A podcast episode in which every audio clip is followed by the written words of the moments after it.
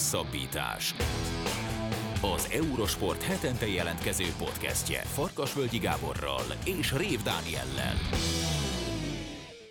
Sziasztok! Ez a Hosszabbítás podcast 33. adása. Ezúttal egy picit rendhagyó módon egy olyan témával kezdjük majd az adást, ami lehet, hogy önmagában nem is téma, de attól még mind a kettőnknek eléggé hát fölkeltette az érdeklődését az elmúlt hétvégén. Ez pedig az, hogy vasárnap délután és este öt európai bajnokságban is top rangadót rendeztek. Először kezdődött az egész az El Clasico-val, aztán eljutott a végén a, az interjú végig, hogy vajon miért nem beszélnek egymással a nagy ligák és a mérkőzés szervezők, miért szervezik egymásra ezeket a tényleg az adott ország fociát nem feltétlenül, de a nemzetközi focit azért szerető szurkolók által is nézett mérkőzéseket. Szóval erről beszélgetünk az első részében a műsornak, aztán a második rész az a snookeré, hiszen egyrészt elkezdődött a szezon, másrészt azért most indul majd be igazán a következő hetekben. A snooker szezon Búzás Gáborral beszéljük át, hogy mire számíthatunk, mit várhatunk ettől az évattól, és aztán jön az Ácsi rovat, benne ezúttal is rengeteg labdarúgó hírrel, de beszélgetünk egy kicsit a hétvégi short track olimpiai selejtező per világkupa versenyekről, és lesz szó a pályakerékpáros világbajnokságról is. Labdarúgás Bele is vágunk az első témába. Kezdjük azzal, hogy ugye vasárnap délután egészen érdekes módon negyedötös kezdettel rendezték a spanyol bajnokság szuperrangadóját, amin a Barcelona a Real Madridot fogadta, és nyilván annak ellenére szuperrangadóról kell beszélni, hogy a Barcelona ebben a szezonban azért messze van a korábbi fényétől. 30 perccel később elkezdődött a holland bajnokság, hát talán mondhatjuk, hogy egyetlen olyan mérkőzés, ami igazán nemzetközi érdeklődésre tart számot, az Ajax és a PSV Eindhoven meccse, és 17.30-kor kezdődött közép-európai idő szerint az angol Premier League szuperrangadója, amin a Manchester United fogadta a Liverpoolt. Más kérdés, hogy a három meccsből 2-5-0-ás végeredményt hozott, mert hogy az Ajax a PSV-t, a Liverpool pedig a Manchester United-et ütötte ki, de nyilván ezt előre nem lehetett tudni. És ugye nyilván itt azért érdekes a téma, mert vannak ligák, amik meghatározzák azt, megszabják azt, hogy ezek a mérkőzések mikor kezdődjenek, és vannak televíziós társaságok, amelyek a mérkőzések közvetítési jogával rendelkeznek, akik viszont szerintem tegnap biztos, hogy ették a kefét, mert hogy az esti időpontban, a 20-45-ös időpontban pedig Franciaországban volt egy Marseille-Paris Saint-Germain rangadó, és Olaszországban az Inter a Juventusszal játszott. Mi a véleményed erről a helyzetről, hogy ennyire jó meccseket, ennyire kiemelt meccseket rendeznek egyrészt egy napon, másrészt konkrétan egy időpontban? Hát, hogy mondjam, én, hogyha most a, a, csak az esti mérkőzésekben gondolkodom, akkor azt szerintem tök nyilvánvaló, hogy Olaszországban mondjuk egy interjúvét, azt esti időpontra tesznek, tehát ennek azért, ennek a, a rangadónak e, este kell lennie, mert akkor van hangulata, és, és szerintem pont, most olyan csúnyát mondtam, tehát marhára nem érdekli őket, hogy a világ másik bajnokságában mondjuk akár egy El mikor rendeznek, akár egy, egy Manchester-Liverpool dervit mikor rendeznek. Én azt gondolom, hogy ha mondjuk, ahogy említetted, esetleg egy tévétársaságnál lenne a közvetítési jog, akkor ők gondolom valamiféle nyomást csak helyeznének a szövetségre, hogy milyen időpontokban és hogy ossza el ezeket a, a, a mérkőzéseket. Nem tudom, hogy egyáltalán van-e, vagy lehet-e bármiféle nyomást gyakorolni a szövetségekre, vagy a, a döntéshozókra ilyen esetben. Minden esetben, vagy minden esetre ahogy olyan sokszor most is természetesen a, a futballrajongói szenvedtek. Nekem a BL jut eszembe hasonló szituációban, hogy mindig én úgy nézem BL meccseket, hogy kipétézek magamnak egy meccset, azt bestreamelem, és utána a gólsót megpróbálom bestreamelni, hogyha valahonnan le tudom lopni, és, és akkor ott úgy nézem a meccseket, mert, mert nyilván mindegyiket szeretném követni, vagy mondjuk NBA vagy NFL mérkőzések vasárnaponként, akkor is a, nem tudom, tele van a képernyőm, ki van rakva a tévére, tehát ilyen szörnyű, röhelyes körülmények között próbálom követni a meccseket, és itt ezek közül a rangadók közül is jó néhányat jó lett volna látni, és akiket kérdeztem, hogy, hogy esetleg majd lenne kedvük beszélgetni róla, bla bla bla, ők is szenvedtek, hogy persze, de, de igazából adjunk nekik különböző haladékokat, mert egyszerűen be kell hozni magukat, mert nem tudnak egyszerre öt mérkőzést nézni, és ezt legalább két nap, amíg feldolgozzák és kiértékelik, és érdemben tudnak róla értekezni. Tehát, hogy nem, nem egy jó megoldás szerintem. Én azt hiszem azért, hogy ebben az esetben a tévéknek igenis van szava, és ugye nem minden országban annyira elaprózódott a sporttelevíziók piaca, mint amilyen Magyarország, ahol, ahol tényleg megoldható az tulajdonképpen, hogy ezeket a meccseket egyszerre sugározzák a különböző tévék. Nyilván más kérdés az, hogy az ember, a, foci szurkoló nem tud egyszerre négy-öt meccset nézni, még kettőt csak-csak, de, de, de az se feltétlenül.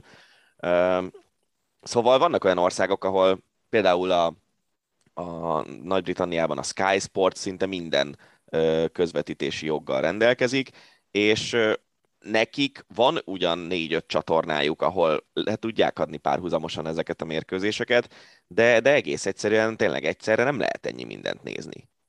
Hát nem, meg most hiába adják párhuzamosan, tehát én mondom, pont ezt a gólsót tudom felhozni, hogy, hogy belemeleget, tehát csak a gólokat nézni, hát az, az érted, az, az, az, annak nincs sok értelme, marha jó megnézni öt gólt, amikor kiütik ezt, hogy azt, hogy amaszt a csapatot, de úgy teljes egészében jó nézni egy ilyen rangadót. Tehát tényleg úgy ízig-vérig úgy belesüppedni a, a történésbe, megnézni a taktikát, hogy ki edző, milyen taktikát választ játékosok, melyik brillírozik, melyik ö, ö, nem képes hozni a, a tőle elvártat. Tehát ennek egy egész az egész drámaiságát, mert ezeknek a rangadóknak mindig van valamiféle dráma, az esetek többségében van valamiféle drámaisága. Tehát azért nagyon ritkán van egy, vagy olyan végkifelet, hogy egy dögunalmas 0-0, és tényleg semmi nem történik. Tehát ezek nem véletlenül történelmileg nagy rangadók, szóval ezeket úgy teljes egészében jó nézni. És ráadásul én, én annyira ö, ö, elismerem a kollégáinkat, hogy, hogy én nem tudok tehát van egy ilyen hülyeségem, hogy én nem tudok visszanézni, mert nem szeretek visszanézni meccseket. Tehát én ismétlésben, tudod, egy csomószor te is kérhet, hogy nem mondjak el ezt vagy azt, a, vagy amazt e, e, eredményt. Én képtelen vagyok így meccseket nézni, esetleg búnyót, de, de foci meccset, kosármeccset nem tudok, egyszerűen ismétlésben inkább fönnmaradok, jó, most nyilván nem tudtam volna öt meccset egyszerre nézni, de, de nagyon nem szeretek visszanézni meccseket ismétlésből. Igen, Úgy, és manapság, a kollégáink előtt manapság szerintem egyre inkább bejön a képbe az az úgynevezett második képernyőnek nevezett jelenség, hogy, hogy mondjuk nézel egy meccset, és akkor figyeled, hogy a Twitteren mit írnak róla, ö, ott ugye már meccs közben is megjelennek olyan statisztikák, meg szakértői jellemzések, amik egyébként mondjuk a TV közvetítésben nem feltétlenül, főleg, hogyha mondjuk külföldi fociról van szó, és akkor egész egyszerűen magasabb szintű hozzáféréssel, meg, meg know-how-val rendelkező emberek beszélnek a, fociról külföldön, mint nálunk, és az meg a nem működik. Tehát én, én meg tudom csinálni azt, hogy mondjuk egy éjszakai NFL meccset fölveszek, és másnap megnézem délelőtt és akkor addig nem nézek rá az eredményekre, meg a Twitterre, vagy, vagy egy kézilabda meccset a hétvégén fölveszek, és megnézem akár úgy is, hogy tudom az eredményt, mert ott, ott az érdekel annyira mélyen, hogy akár taktikai dolgok miatt is mm-hmm. megnézek meccseket, de az biztos, hogy, hogy jelentősen elvesz az élményből az, hogyha közben nem tudod rögtön a reakciókat is látni, és szerintem a foci az tényleg fokozottan alkalmas arra, hogy azért van annyi üres járat a meccsben, hogy rápillantasz akár a telefonodra vagy a számítógépedre, és hogyha valami nagy dolog történik, akkor úgy is emeli a kommentátor a hangját, és akkor tudod, hogy vissza kell pillantanod a tévére. Így van, és tök jó, hogy ezt felhozod. Én például a BL keddeket, szerdákat imádom, amikor leülök a tévé elé, kirakom a képernyőre a meccset, amit nézni akarok, ott van be szímelve a gólsú, kezembe a telefon, és felmegyek a Twitteren, és olyan, mintha tényleg így a, kvázi egy haveri körrel nézni a meccset, mert ott van mondjuk Marosi Gergőnek a tweetje, ott van a tiéd, ott van a, a Zsoltinak a tweetje, akivel múlt héten beszéltünk, meg nyilván Gerinek, meg az összes, és jót röhögünk egymáson, meg írunk egymásnak, meg húzzuk egymást, hogy át, meg kírja mindenki azt, ami, ami éppen benne van, olyan stílusban, amilyen be, be akarja írni, és, és egy tök jó szórakozás az egész. Igen, um, közösségi élményt ez, nyújt. Így van, így van. És az, hogy mondjuk öt rangadót rendeznek egy nap, abból hármat abszolút egy időben, hát ez nagyban elvesz a, a közösségi élményből. Az biztos. Itt az embereknek szerintem ki kell választani azt, hogy ők mit szeretnének nézni. Egyébként van olyan kollégánk, aki például erre az Ajax PSV Eindhoven meccsre elment, mert őt ez a holland rangadó vonzotta. És hát ugye 5-0 lett a vége, de ott legalább a félidő még csak 1-0 volt, és a második félidőben lett kiütéses a meccs. És ha már beszélünk egy kicsit erről az Ajax Eindhoven meccsről, azért az szerintem nagyon ritka, bármilyen bajnokságról is legyen szó, hogy a, első helyezett fogadja a másodikat. Egyetlen pont különbség az első kilenc forduló alapján, és egy 5-0 lesz a vége. Az Ajax, megnéztük itt a felvétel indítása előtt, hogy 10 forduló alatt 37 gólt rugott a holland bajnokságban, 3,7-es átlag, ez nem egy nagy matek, és mindössze kettőt kapott. Azért ez, ez, ez nagyon durva beárazza a holland bajnokságot, igen. Tehát, hogy azért két csapat, meg mondjuk még a Feyenoord, de most ezt úgy mondom, mint hogyha marhára otthon lennék a holland bajnokságban, nem nyilván ez tradíciókban esetleg, aki egy picit ért, a, vagy szereti a focit, azt tudja, hogy ez a három csapat, amelyik úgy Isten igazából kiemelkedik. Tehát nem tudom, az Ajax az, az abszolút leuralja most ezek szerint a holland bajnokságot. Ez óriási dominancia, és azért hát nem lennék PSV vagy PSV drukker. Hát ez, ez azért kemény lehetett. Mint ahogy a Manchester United kiütése is. Én azt, azt próbáltam követni, amennyire követni tudtam. Én megmondom őszintén, amikor a, a, a hétközi BL fordulóban a United nyert, és már akkor nyilvánvaló tudtuk, hogy a Liverpool lesz majd a, a, a Unitednek a következő bajnoki ellenfele, ráadásul hazai pályán az Old Traffordon.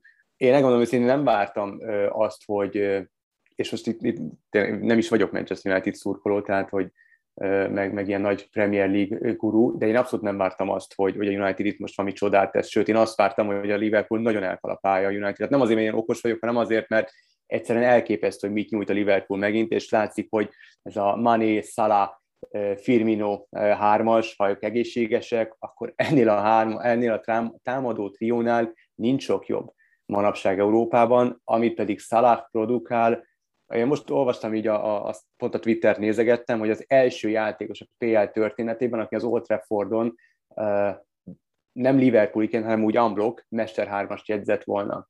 Hmm. Ne, más vendégjátékosként gondolom. Vendégjátékos, így van, vendégjátékos nem jegyzett még, még Mester 3-ast, agyon verték Ronaldostól minden estül a, a United-et, és ha a Solskjaer ezek után sem mondta, hogy ezek után sem küldik el, tehát hogy itt ilyen, ilyen esetleges eredmények vannak ennél a csapatnál. Néha összejön egyéni klasszisokból kifolyólag egy-egy jó eredmény, vagy egy-egy nagy fordítás, de egyszerűen pont a, a szurkolók egy ilyen körkérdést tettek föl a meccs végén az Old Trafford körül bámészkodó, meg sétafikáló, szomorkodó ö, szurkolók körében, és mindegyik azt mondta, hogy óriási legenda, olé, és, és soha nem fogják bántani, és nagyon imádják, húzzon már el. Tehát, hogy kevés. Hm. Egyszerűen ez az ember kevés oda. Főleg akkor, hogyha olyan, olyan állás nélküli edzők vannak mostanában, mint akár Zidán, akár Conte, vagy csak gyorsan kettőt sorolja fel az igazán nagyobb közül. Igen, ez valószínűleg így van. Nagyon szörnyű lehet belefutni egy ilyenbe, nem? Gondolj bele, hogy várod ezt a meccset, kimész Manchester United szurkolóként, ott van nem tudom, 60-70 ezer ember az Old Traffordon, és hogy 5 perc után 1-0, 13 perc után 2-0, egyébként Mané csak a hajrára állt be, Zsota kezdett ezúttal, aki szerintem nem rossz a focista nem. sokkal Manénál, de nem, nem, is, nem is ez a lényeg. És, és tényleg megalázzák a csapatodat, és ráadásul az egyik nagy ellenség, mert ugye a Manchester United szurkolóknak két igazán nagy riválisa van, a, a City, a városi rivális, illetve a Liverpool, amely évtizedek óta egy ilyen tényleg nagyon komoly rivalizálásban szerepel a Manchester United-del. Érdekes dolog ez nagyon, hogy, hogy tényleg e, ennyire esetleges lett a, a Manchester Unitednek a, a játéka, mert egyébként eddig nem néztek ki olyan nagyon rosszul. Úgy kezdték ezt a meccset, hogy 8 meccs, 14 pont, 16-10-es gólkülönbség a bajnokságban, és ugye a BL-ben sem mennek rosszul. Ronaldo remekelt, Pogba gólpasszokat osztogatott minden, és itt most tényleg egy belefutottak egy sokkal jobb csapatba. Pont azért, amit mondasz, hogy esetlegesek, tehát hogy amikor, amikor előnyben vannak, akkor minden oké. Okay. Ha hátrányba kerülnek, akkor olyan, mint hogy a Szulsár elveszteni igazából a fonalat, és fogalma nincs, hogy mit kell csinálni. Legalábbis a, a szakértők, illetve a szurkolók többek között ezt róják fel. vele kapcsolatban, vele szemben, hogy nem tud meccselni, nem tud jól meccselni. És, és azért ez a csapat tele van jó játékosokkal, meg a másik az, amit, amit megkérdőjeleznek, hogy, hogy Ronaldot valóban akarták-e hozni, és nem csak azért hozták ide, mert hogy úgy volt, hogy a City elorozza elők, előlük, és azért az mégsem fér bele, és hogy miért nincs egy olyan igazán rakkolós középes, mint annak idején mondjuk Kerik volt például, csak egyet említsek, vagy Roy Keane, aki, aki felszántja a pályát, és, és, és megszerzi azokat a labdákat, nyomást gyakorol az ellenfél játékosra, akár meg is félemlíti őket, tehát nincs egy ilyen igazán melós fickó ebben a csapatban, mondják a hozzáértők. Mondom, nem, én feltétlenül véletlenül sem szeretnék abban a, a szerepben tetszelegni, hogy ilyen marhára ott vagyok, akár a United, akár a Premier League mindennapjaiban, olvasom a híreket, vagy hallgatom ezeket a hozzászólásokat, vagy a különböző szakértői cserejeket, és onnan, onnan próbálok meríteni, vagy egyáltalán közvetíteni az ő véleményüket, meglátásukat. Minden esetre szerintem, szerintem csalóka a, a, a, helye, tehát a helyezésük, meg, meg mondom, esetleges. Én ezt, ez, szerintem ez, ez a legjobban a megfelelő kifejezés united kapcsolatban mostanában, hogy es, esetleges az egész. Azon nevettem itt közben, hogy azért abban a csapatban, amiben Michael Kerik játszott, ő a tudom, nyolcadik legjobb játékos volt körülbelül, és sose gondoltam volna, hogy majd pár évvel később Michael Keriket sírja vissza a szakma, vagy akár a United szurkolók. Hasznos volt, hát de, de nem volt de, de még nagy, nagy formátum. Igen. Na beszéljünk egy kicsit az El Clásico-ról. Barca Real Madrid összevetésnek ugye egyrészt megvan a sportszakmai része mindig, másrészt megvan mindig a politikai része, ugye Katalóniában azok, akik Katalóniát Spanyolországtól független entitásként képzelik el, azok mindig különösen felszívják magukat erre a, erre a mérkőzésre. Én úgy éreztem egyébként, látva ezt a meccset, kettő egyre nyert végül a Real Madrid úgy, hogy sokáig egy nulla volt, és aztán a hajrában volt egy, egy 11-esnek tűnő helyzet, de azt nem adták meg a Barcelona javára, és az ellentámadásból rugott egy gólt a Real, ezzel 2-0 lett, és aztán tényleg a 97. percben jött egy szépítő gól Aguero-tól.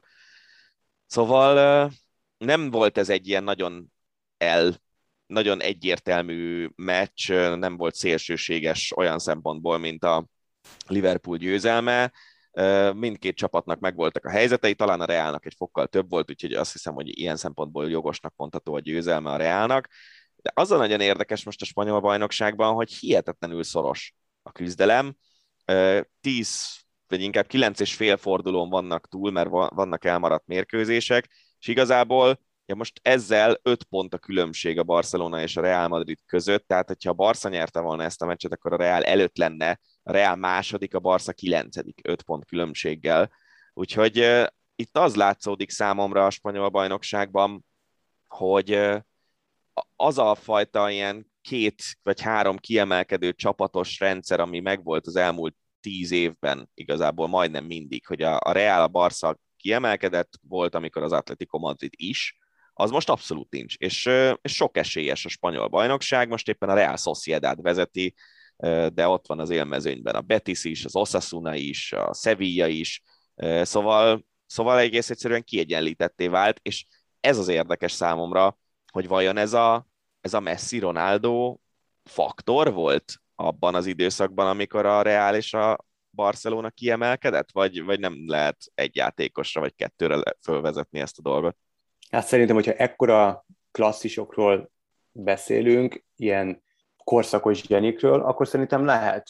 És szerintem, szerintem ők igenis jelentettek ekkora faktort mindketten a saját csapatukba. Ha már más vagy nem, akkor maga az aurájuk, hogy ő a Messi, meg ő a Ronaldo. Mint ahogy egy csomó sportában ő a Jordan, ő a Tiger Woods, ő a Roger Federer, tehát, hogy én hiszek ebben, lehet, hogy nincs igazam, de én hiszek, hogy, hogy van egyfajta ilyen aura, amitől a játékosok, az ellenfél játékos egy picit tartanak. Mert, mert a múltban bizonyították, hogy egy, egy mozdulat, egy, egy jó öt perc elég ahhoz, hogy tönkretegyék a másik, játé- a másik csapatnak a játékát, romba döntsék a taktikáját. De biztos, hogy, hogy, hogy egy fokkal így most érdekesebb a spanyol bajnokság, és nagyon szintén valahogy a szívem mélyén még akár még drukkolok is Ronald Koemannak, mert borzasztó nehéz örökséget kapott meg szerencsétlen, és szígyák folyamatosan, meg, meg láttam ilyen felvételeket, amikor elhagyta a stadiont, körbeállták az autóját, tehát alig bírta elhagyni igazából a, az objektumot, és, és biztos nem lehet most a jó Ronald Koemannak lenni, de hát ez egy edző életében ez is, ennek is a, a, a, ez is a velejárója. A, ugyanakkor nagyon sokan mondják, és ebbe, ezt most vagy alá, gondolom alá tudott támasztani, hogy ez, ez nyilván egy új éra kezdete Barcelonában, és tele van a, a, ez a csapat fiatal játékosokkal, akik közül azért többen vannak olyanok, akik, akiknek kifuthat a pályafutásuk, és lehet belőlük extra klassz is. Tehát azért ez valamilyen szinten egy érdekes időszak is a Barcelonánál. Nyilván nem jó érzés egy olyan érát követően, amikor román nyerték magukat egy ilyen kevésbé sikeres, vagy legalábbis a kezdeti lépésekből kiindulva egy kevésbé sikeres időszakot megélni, de hát minden időszak kezdete, új időszak kezdete nehéz. De te nem úgy gondolod, hogy, hogy itt azért vannak olyan fiatalok, akik, akik idővel, ha nem is felettethetik, de, de a Messi ér el, de azért legalább annyi örömöt fognak szerezni a szurkolóknak, mint, mint Messiék? De abszolút. Most például kezdő volt Ansu Fati is ezen a meccsen, meg kezdő volt Gavi is, Gavi 17 éves, és nem tudom hány évtizede a legfiatalabb kezdőjátékos volt az El Classicon. Tavaly még a valami CE Európa elleni U16-os meccsen kezdett ugyanezen a napon, vagy valami ilyesmi, tehát egy egészen, egészen elképesztő, és ugye Ansu Fati is, hiszem ő 19 vagy 20 éves, és most írt alá egy olyan szerződést, ami 2027-ig a Barszánál tartja egy milliárd eurós kivásárlási árral, ugye Pedri szintén aláírt egy ilyen szerződést nemrég, tehát az látszik, hogy próbálja a, a csapat magához kötni ezeket a tehetségeket, de az biztos, hogy ehhez idő kell, és nem vagyok benne biztos, hogy mondjuk egy tényleg levezető félben lévő Aguero, aki lényegében azért ment Barcelonába, hogy Messivel együtt játszhasson, aztán Messi eligazolt, lehet, hogy pont kicserélik a két játékos, majd Icardit, meg, meg Aguero-t, aztán mehet Aguero Párizsban, ugyanis tudod, van ez a, az a hírjárja, hogy, hogy Messi marhára nincs kibékülve Icardi, valaki körül állandóan megy a bal, most éppen a szappan opera felesége, vagy elhagyja, nem hagyja, megcsalta, nem csalta meg, úgyhogy lehet, hogy Aguero mehet levezetni Párizsba, és akkor megint együtt játszhat nagy haverjával, Icardi pedig, pedig átteheti székhelyét Barcelonába, aztán majd abban sem vagyok biztos, hogy, hogy egy Icardiót tesz ennek az épülő félben lévő Nem, de szerintem Kuma rövid úton küldeni el a fenébe, tehát nála azért ilyen drámák megengedhetetlenek, tehát ő ebben abszolút nem partner. Hát, Úgyhogy nem Icardi szerintem sehol nem megoldás. Lehet, hogy nem. Beszéljünk még gyorsan erről az interjúba meccsről, mert azért tényleg ez is egy eh, nemzetközi szinten is komolyan jegyzett rangadó. Elég sokáig az Inter vezetett, eh, végül a Juventus egy 89. percbeni eh, büntetővel egyenlített ki, Simone Inzagit piros lappal kiállították, valószínűleg a játékvezetőnek nem túl szépeket mondhatott a büntető miatt, és így lett egy-egy, és igazából ezzel most az olasz bajnokságban a Napoli és az AC Milán lépett meg, és 7 pont előnyel rendelkezik a harmadik helyen álló Inter, mög- Inter előtt, és az Inter mögött eléggé szoros a, a küzdelem, úgyhogy nagyon kellett volna a három pont az Internek, nem véletlenül állították ki Simone Inzágit, de érdekes dolog, hogy az olasz foci az, az nekünk, akik tényleg csak ilyen kocafoci nézők vagyunk, mennyire kívül esik a látókörünkön egy ideje, nem? Nekem nagyon, megmondom őszintén, hogy, hogy nyilván a Bundesligát figyelem erőteljesen, meg, meg, meg mondjuk a Premier Ligát, az olasz focit azt, azt kölyökkoromban imádtam a Milán miatt, a három holland miatt. Uh-huh. És, és utána én, én elkezdtem így abszolút nem követni, meg volt egy, nem is mélyrepülés, de hogy így nem tudom, engem valahogy mindig azzal magyarázom, hogy nem szeretem az olasz focit, de most érted, mitől ne szeretném, tehát hogy most nincs benne semmi olyan, amiatt. Egyszerűen, való, ahogy mondod, így kiesett a látaköröm kívülre, mert hogy nem volt olyan játékos, akit én olyan nagyon szerettem volna. Amikor, amikor Ronaldo odaigazolt, akkor a Juventusba, igazából akkor sem néztem nagyon. Tehát, hogy nekem azt, hogy most a Ronaldo oda a Juventusba, az egy ilyen, én nem is értettem, hogy most miért. Tehát, hogy, hogy a Madridból, Juventusba nem értettem az egészet.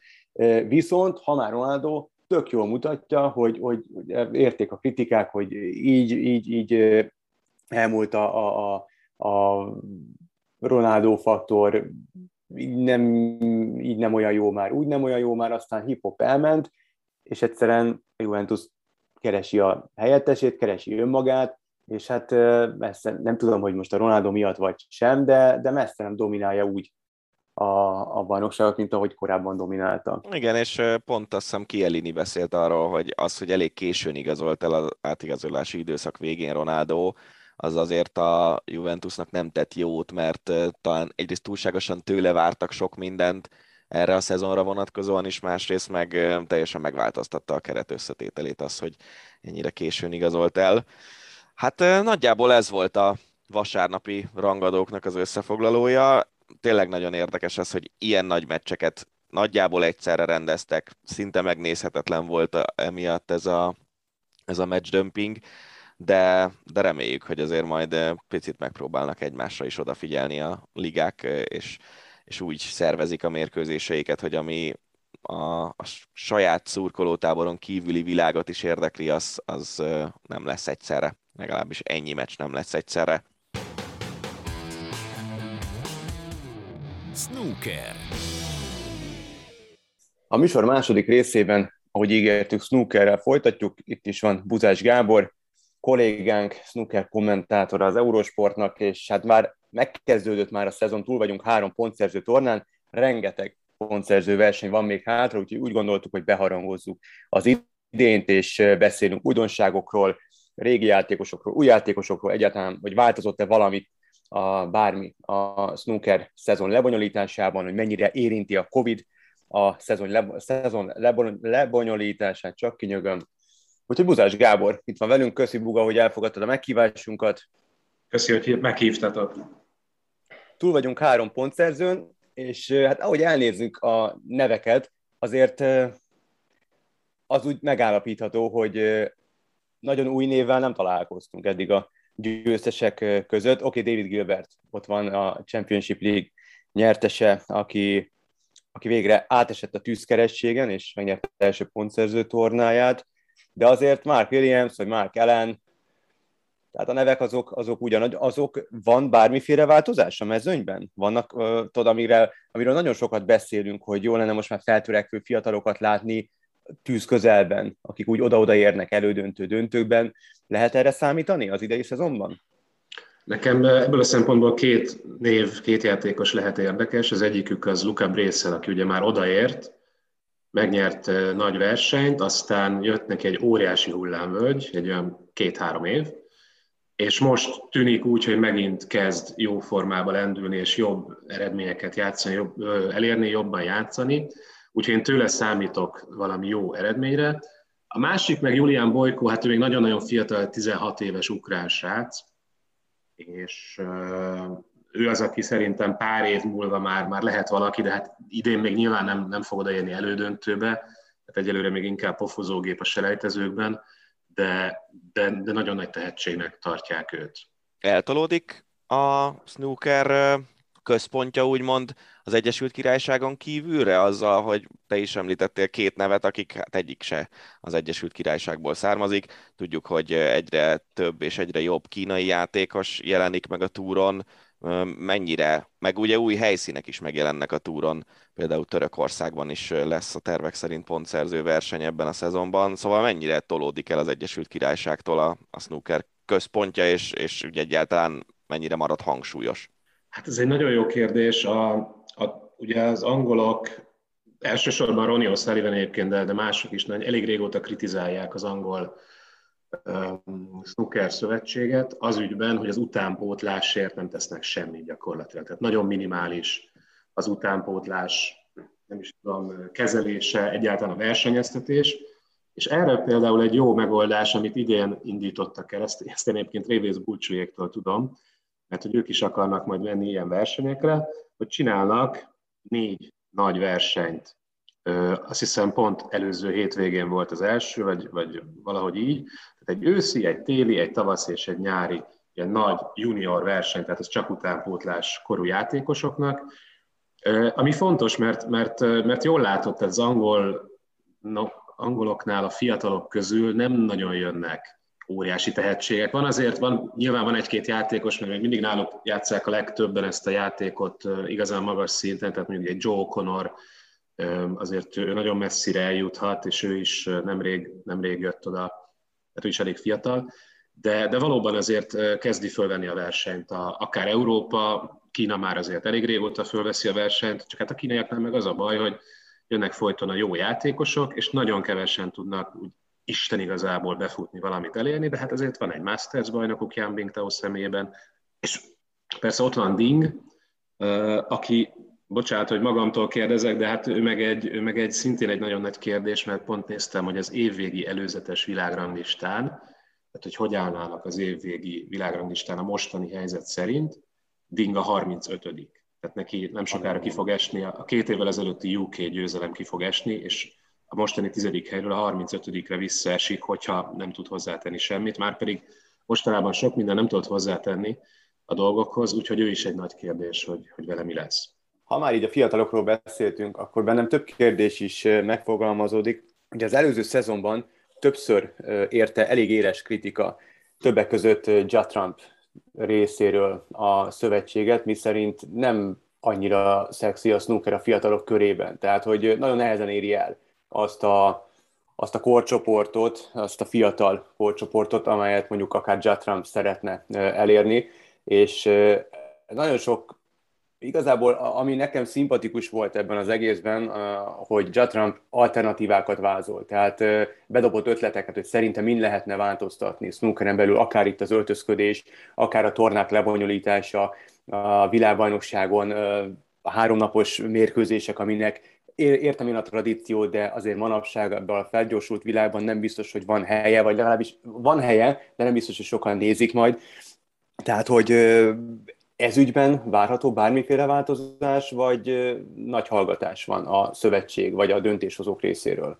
Hát én gigantikus változást nehezen tudok elképzelni, azért ez egy nagyon-nagyon tradicionális sport, éppen azért, mert Anglia a központ, és, és tudjuk az angolok, hogy állnak a tradíciókhoz, eléggé, eléggé mereven.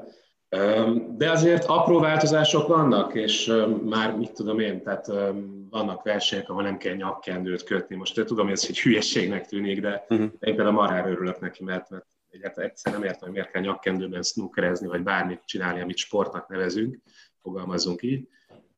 De az, hogy mondjuk a világbajnokság lebonyolítása megváltozzon, ami azért nyilván egy kardinális kérdés, azt nehezen tudom elképzelni. Az egy, az egy olyan Bocsánat, hogy közbevágok, még még volt egy elnézést, hogy közben de hogy még a, nem csak a lebonyolítást ö, kritizálták, hanem még azt is mondták, hogy ugye ebből a legendás Crucible színházból, ahova kb. ezer ember fér be, elvinni egy ö, Alexandra Perisbe az egészet, ahol, vagy, még egy, vagy egy még nagyobb stadionban, ahol két, három, négy ezer néző is befér, mert hogy ekkora nézettsége is lenne a helyszínen egy ilyen fokú, egy ilyen szintű tornának, és az még nagyobb pénzt generálna. Tehát még egy olyan, olyan javaslat, ami, ami igazából az egyik legnagyobb tradícióját változtatná meg ennek a sportnak. Hát nézd, ezt én innen Magyarországról simán el tudnám képzelni, tehát nyilván máshogy áll hozzá az, aki évente megveszi a jegyét az első sor szélére, és mindig ott van minden egyes snooker meccsen, meg máshogy mondjuk én, aki egyszer voltam a crucible és azt mondtam, hogy oké, okay, tök jó, de hát tényleg azért ugyanezt megnézné 2000 ember is, tehát, tehát tök jogos ez egy, egyébként szerintem. Um, ezt, ezt, ezt, és ezt nem is tartom teljesen lehetetlen dolognak, mert, mert hogyha az megmarad, hogy ugyanaz a formátum, akkor, akkor miért ne láthatná több néző ugyanazt? Én, én, ezt, én ezt nem tartom egy ördögtől való gondolatnak semmiképp. Elég érdekes dolog, amikről beszéltek, mert ugye alapvetően magát a sportot szerintem nagyon nehéz úgymond szexivé tenni, ha már Faga ezt a kifejezést használta, mert, mert annak olyan keretei vannak, hogy sose lesz egy igazán dinamikus sport, mivel gondolkodni kell, idő telik el, amíg az emberek gondolkodnak, még azokon a formátumokon, amikkel ugye próbálkozik azért a Nemzetközi Szövetség, hogy akár kevesebb piros golyóval játszani, vagy, vagy úgymond támadó idővel játszani, hogy két lökés között meg kell szabni azt, hogy maximum mennyit gondolkozhat valaki. Még azokban is azért viszonylag sok idő telik el, akár két lökés között eseménytelenül úgymond. Ezt nem nagyon lehet megváltoztatni, nem? Én inkább arra gondolnék, de hát nyilván abszolút laikusként, hogy, hogy egész egyszerűen most felnövő generációkban kevés az olyan ö, gyerek, mondjuk, aki, aki e felé, a vonal felé orientálódik, és, és az ilyen úgymond hagyományosabb, lassabb sportok érdeklik, és sokkal inkább az akció, mindig történjen valami, és hogy ez, ez egy olyan tendencia, amivel szerintem nagyon nehezen tudna a snooker mit kezdeni. Ezzel teljesen egyetértek, tehát magát a játékot nem lehet megváltoztatni, mert akkor ez egy másik játék lesz.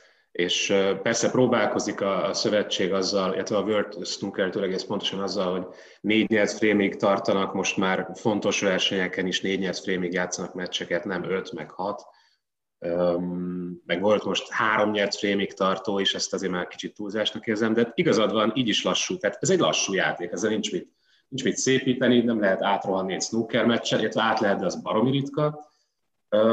Azzal viszont nem teljesen értek egyet, hogy nem tud vonzó lenni, tehát azért, hogyha jobban szerveznék az utánpótlást, hogyha több verseny lehetőség lenne, akár pénzt is lehetne keresni már 14-15-16 évesen, az már önmagában szexi tudna lenni szerintem, ha, ha már ennél a jelzőnél maradunk, és, és hogyha mondjuk, mondjuk a, a legnagyobb sztárok, mint Ronnie O'Sullivan, tudjátok, kik a legnagyobb sztárok, ők, ők igazi sztárok lennének, tehát amolyan rockstárok, vagy szóval igazán ismertek lennének, akkor szerintem akár ezzel sokkal több embert be lehetne, vagy nem sokkal többet, de mondjuk, mondjuk kétszer annyi embert be lehetne vinni, és akkor már tudna jönni egy jó utánpótlás, nem kell, hogy milliók snookerezzenek nagyon magas szinten, mert, mert nem kell, mert annyit nem, nem visel el a, az egésznek a... Várjál, nem szív föl annyit a sport. Szerinted Ronnie O'Sullivan nem nagy sztár? Ronnie, hát de, ő igen, de senki más. Aha. Tehát Judd Trump is annyira messze van tőle, hogy nagyon, és ő pont, pont beszéltem az új menedzserével az év elején, és, és pont erre akarnak rámenni, hogy sokkal ismertebb legyen a Trump. Nyilván egyrészt, mert az egójának jót tesz, másrészt meg a pénztárcának is jót tesz, tehát ez, ez nekik tök fontos, és meg tudom érteni. Más kérdés, átkanyarodva a szakmai oldalra, hogy, hogy ez mennyire tesz jót Trump játékának, és, és ha már snookert, snooker szezont akarunk, nem tudom, beharangozni, vagy jósolgatni, akkor azért itt át tudnám vezetni a dolgot arra, hogy, hogy én nagyon kíváncsi vagyok arra, hogy Trump mit fog teljesíteni ebben a szezonban. Szerintem ez az egyik legnagyobb kérdés, minek után ugye az előző három szezont ő uralta gyakorlatilag, hogy azért, hogyha elkezd ebbe az irányba kacsingatni, hogy hogy legyen népszerűbb, meg elkezd poolversenyekre járni, amit megtett ugye szeptemberben, elment Amerikába poolozni, az nagyon nem biztos, hogy jót tesz az ő snookeres karrierjének. Mint egy gondolat erejéig még itt leragadnék a, a, a népszerűsítés, meg a vonzóság mellett témájánál, csak egy, tényleg egy, egy rövid gondolat, hogy én, én mindig a golfal próbálom párhuzamba hozni a, a snookert, ha már tradíciókról beszélünk, és azért a golf elképesztő változásokon ment keresztül, és ha csak ilyen alapdolgokat nézünk, hogy ruha, tehát most már azokat a ruhákat, amiket a golfozók, ezek az igazán nagy sztárok hordanak, azokat az utcán hordják a fiatalok, úgy öltöznek, mert már egy utcai viseletté vált, nyilván nem stoplis az a pipás cipő, de, de ettől függetlenül ugyanúgy néz ki azok a nadrágok, azok a pólók, és valami ilyen a, a, a tornáknak a lebonyolítása. A játék maga nyilván változott, mert, mert változott a, a felszerelés, de úgy maga igazából a tradíció az nem nagyon változott, tehát ugyanúgy 18 rukra játszák, ugyanúgy vannak lassabb játékosok, gyorsabb játékosok, nagyot ütő játékosok, kevésbé nagyot ütő játékosok, de valahogy meg tudták reformálni ezt az egészet, és, és milliók, több milliók, 10 hát milliók, 100 milliók követik ezt a játékot. És valahogy szerintem ebből lehetne valamiféle példát venni, hogy egy picit vonzóbbá tegyék egy teljesen más réteg számára is, hogyha a fiatal réteget szeretnénk megcélozni, mert hogy én úgy gondolom, hogy legalábbis a játékosok megnyilatkozásából kiindulva, hogy ők, ezt, ők erre vágynak, hogy egy, hogy egy más típusú közönséget és egy más korosztályt is elérjen a sportág. De hogy kicsit visszakanyarodjunk az eredeti témához, mondta Ja Trumpot, és hogy másfelek halandozik, és hogy a népszerűség oltárán lehet, hogy egy picit feláldozza majd a, a, a formáját. Ugye ebben a játékban nagyon nehéz húzamosabb ideig a csúcson maradni, főleg azért, mert, mert vannak olyan, és ez abszolút nem negatívunként mondom, őskövületek, mint például John Higgins, aki most már nem tudom, két évtizede folyamatosan ott van. A, hát a top 10-ben simán. Ráadásul idén, amikor először megláttam, én azt hittem, hogy beteg, aztán hál' Istennek kiderült, hogy nem. Hát ledobott mennyit? 30 kilót? Hát és régi fényében tündököl. Bő 20, bő 20 kilót. Tehát, hogy én, én, hát ez mutatja ezeknek a játékosoknak egyrészt a zsenialitását, másrészt pedig a, a, a hihetetlen eltökéltségét, hogy, hogy egyszerűen nem engedik el ezt a történetet. Tehát Ronnie osullivan is lehet annyi minden dolog miatt Sydney nem szeretni, szeretni, de hogy még mindig ott vannak. Tehát 30 éve a közvetlen élvonalnak a tagja Mark Williams, Higgins, illetve Ronnie O'Sullivan, tehát a nagy hármas, tehát nagyon nehéz, pont ezért nagyon nehéz a fiataloknak, nem? Hogy, hogy ezek a régi nagy játékosok még mindig nagyok. Egyre öregebbek, de egyre jobbak. Hát és, és Higgins, Higgins én külön kiemelném, mert mert ez engem is, nem az, hogy megdöbbentett, mert tudtam, hogy, hogy le akar fogyni, de az, hogy ez sikerült is neki, az egy másik kérdés. Elkezdett spinningelni heti háromszor, négyszer, és, és ettől több mint 20 kilót leadott, és, és bomba jól néz ki, tehát szeretnék én úgy kinézni, mint John Higgins most és tudom persze menjek el spinningelni, és um, Így van. nem az a lényeg, hanem hogy, hogy az említett trióból, ugye én úgy érzem, hogy a Williams, Ronnie O'Sullivan annyira jók, hogy bár ők már, én úgy érzem, hogy ők már azért inkább levezetnek, tehát ők már nem készülnek olyan igazán sokat. Ők úgy vannak vele, hogy marha jól tudok játszani, hogyha ez néha elég egy tornagyőzelemre, akkor néha elég, de hanem akkor nem. Tehát ők, ők, ők bennük nem érzem azt az óriási nagy küzdést.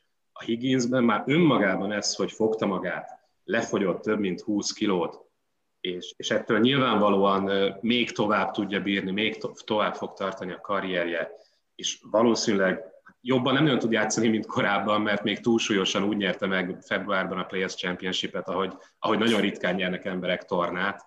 Tehát rommá verte a mezőnyt, köztük Mark Selbit és Ronnie O'Sullivan. Tehát jobban játszani nem fog tudni, de, de hosszabb ideig, még hosszabb ideig fog tudni jól játszani. Ugye Roninak ez ott van, mert ő, mert ő folyamatosan fit, mert ő fut, és ő odafigyel a táplálkozására is. De Higgins 46 évesen döntött úgy, hogy hogy még bele rátesz egy lapáttal, és még, még oda teszi magát, és fitté hozza, vagy fit formába hozza magát. Ez szerintem óriási nagy dolog, és szerintem nagyon nagy hatással lehet maga John Higgins erre az egész szezonra, meg a következő néhány szezonra.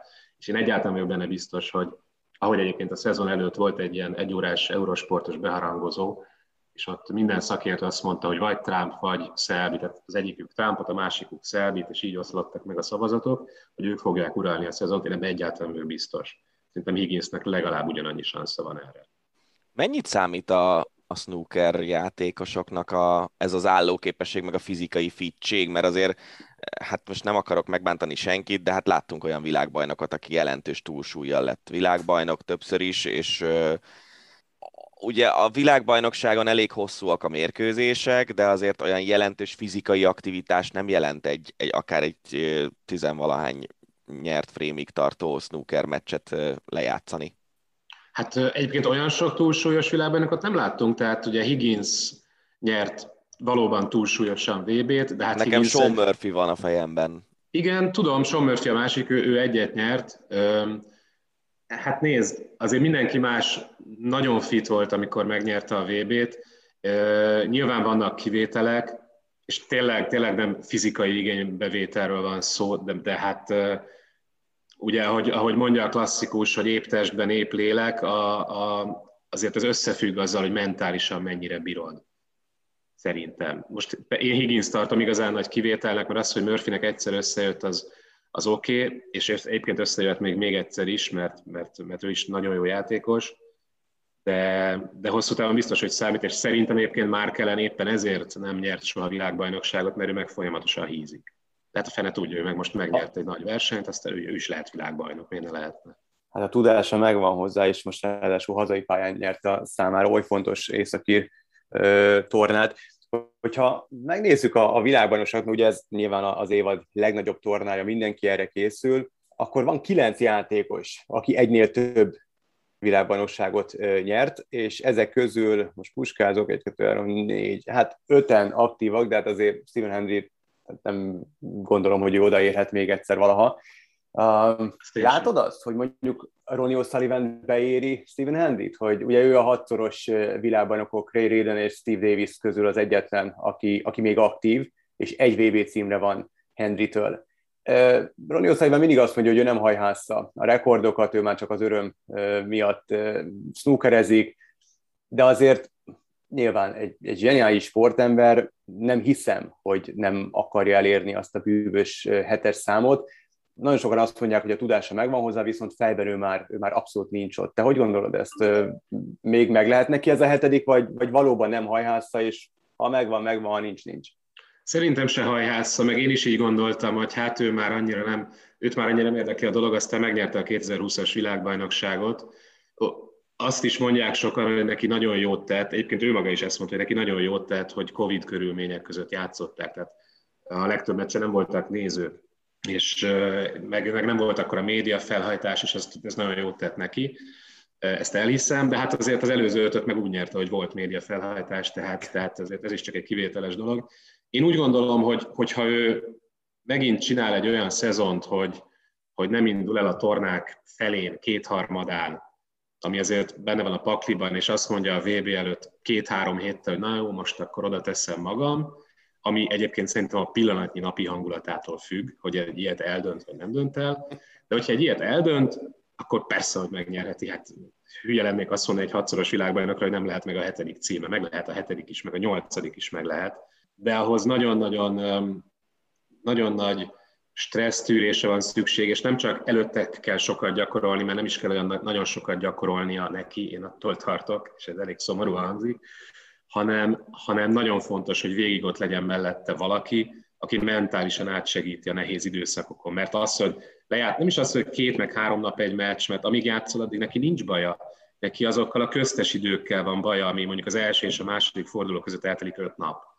És addig mm. nyilván mit hazamegy a családjához, valami más csinál, tehát ez, ez teljesen nonsens, hogy nem is vagy ott a tornán, nem is vagy ott a versenyen, nincs meg a feeling, de közben te a világbajnokság egyik résztvevője vagy, és ez borzasztó nehéz lehet kezelni.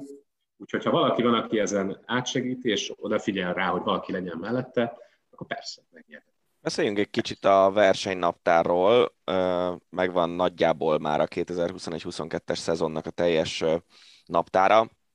Az látszik, hogy Kínában nincs verseny, gondolom a Covid járvány miatt, úgyhogy Igen. ezen ugorjunk is túl.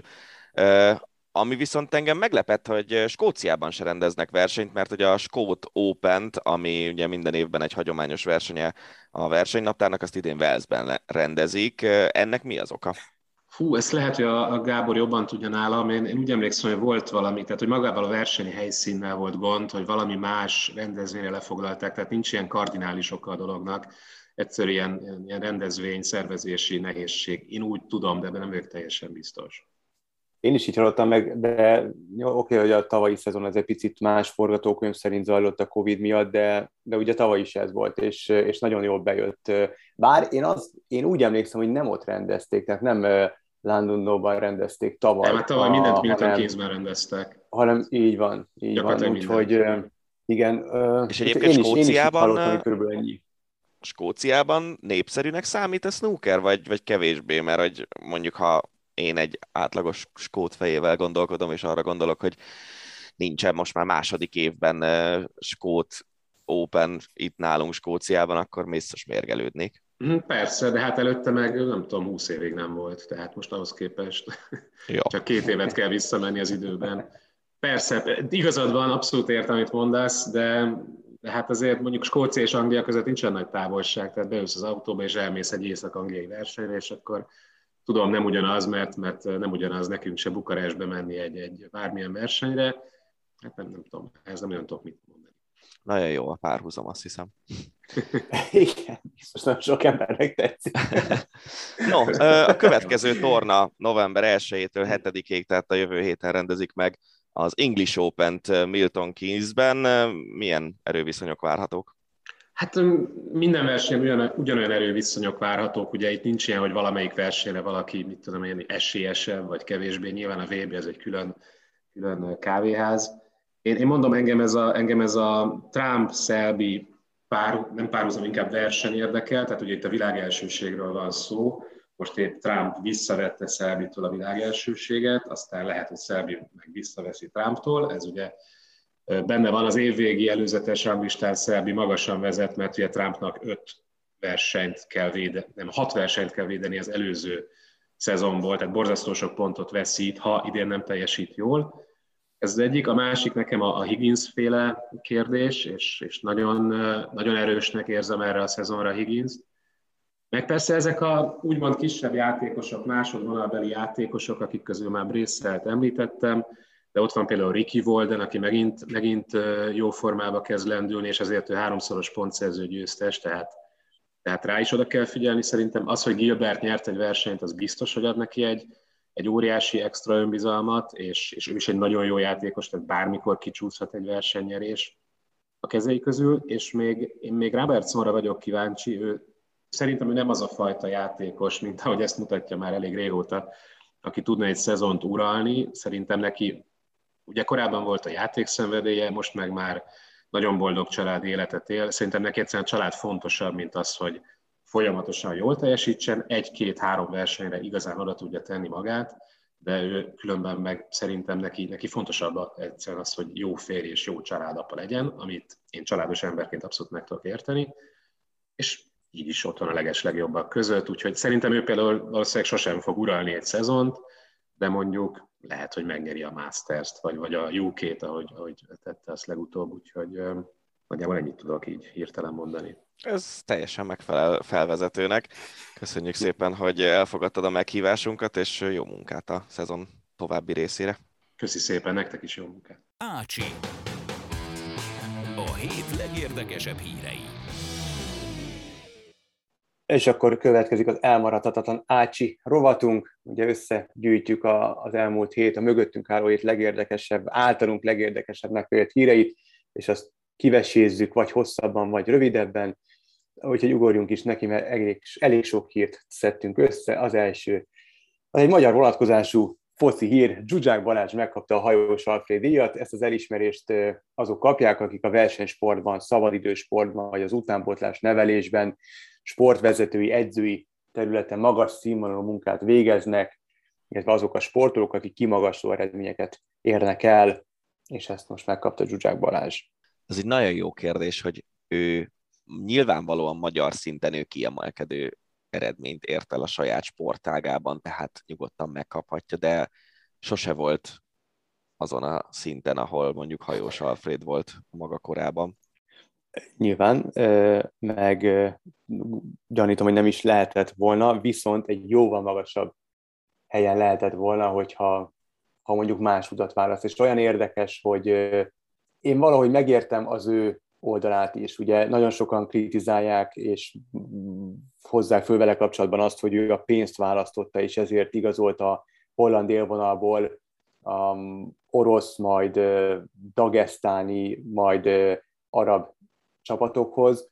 Hogyha ha azt nézzük, hogy nyírlugosról hova jutott el Zsuzsák Balázs, és, és egy nyírlugos, ahogy ő mondja, ez a saját szó, egy nyírlugosi parasz gyereknek az óra alá elédugnak egy olyan szerződést, amin annyi nulla van, amit életében nem látott még, nyilván alá firkantja, és marhára nem érdekli, hogy az most éppen nem az Ajax, hanem mondjuk az Anzsi Mahacskala, ahol mondjuk olyan neveket lát még a csapatban, mint nem tudom, Robi Carlos vagy Samuel Eto, tehát, hogy, hogy azért ott megremeg a kéz, és az ember aláírja azt a szerződést, tehát nem tudom, nem tudom azt mondani százszázalékosan, hogy én biztos, hogy nem írtam volna alá. Mert biztos, hogy aláírtam volna. Mert annyi pénzt az életbe, hát az unokáim is elélnek abból, ha ügyesen fektetem be, ez megint egy más kérdés. Viszont az tény, és ez egyszer olyan jó lenne teljesen őszintén minden, és ez nem hiszem, hogy meg fog történni, teljesen őszintén és mindenféle feszkó nélkül beszélgetni Zsuzsák Balázsjal, nem feltétlenül nekünk, akár meg is hallgatnék egy ilyen beszélgetést, hogy ezt úgy, úgy tényleg kibeszélni, hogy, hogy ha ott vagy az Ajaxnál, és mondjuk nem, most hasonló, nem egy milliárd, vagy bocsánat, psv nem egy milliárd forintot, hanem csak, nem tudom, um, 500 milliót ér az a szerződés, viszont mehetsz mondjuk megint csak a hasamra ütök egy Leverkusenbe, és nem az Anzsiba, akkor mi az anyámért nem a Leverkusent választod? Érted? Tehát, hogy azért az egy teljesen más ö, ö, ívet leíró pályafutás a Bundesligában, de ő azt mondta akkor, és nagyon sokszor mondja, hogy nem volt más megkeresése. És ezt vagy elhisztük, vagy nem. Minden, vagy, hát, de akkor teljesen más kifutás kaphatott volna a karrierje. Én ezt hiányolom. Hogy soha nem, nem, is a, meg nem, is annyira, nem is annyira pénz szerintem, mert nagy, ezt a pénzt meg lehetett volna keresni máshol is. A könnyű ezt szerintem máshol nem. De, de, de. Szerintem ezt a nem könnyű pénzt, tehát ezt a pénzt, amit mondjuk a Dinamo Moszkvá, ugye azt hiszem oda ment először a PSV-ből, jól emlékszem? Mindjárt gyorsan megnézem. Szerintem az Anzsiba és az Anzsiból vásárolta ki a Dinamo. Szerintem nem. És a Dinamo után ment máshová. De egy mondom gyorsan, ezt meg tudom nézni. Szóval az a lényeg, hogy abban a helyzetben, amiben volt, akkor, hogy PSV Eindhoven, igen, igazad van az Anzsi és aztán a, aztán a Dinamo Moszkva. Uh-huh. Szóval az Anzsi az könnyű pénz volt. Valószínűleg, hogyha a PSV-nél marad, fele annyi vagy negyed annyi pénzt keresett volna, és lehet, hogy ha még egy szezont lehúz olyan szinten, ahol lehúzta az előzőt, mert ugye PSV-ben ő óriási sztár volt azon a szinten, és nem volt, nem hát, volt hogy játszott, jó 20, hát 25 évesen igen, ott tartott, hogy, hogy a PSV-ben tényleg dalokat írtak róla, meg énekelték a nevét a szurkolók, meg ilyenek.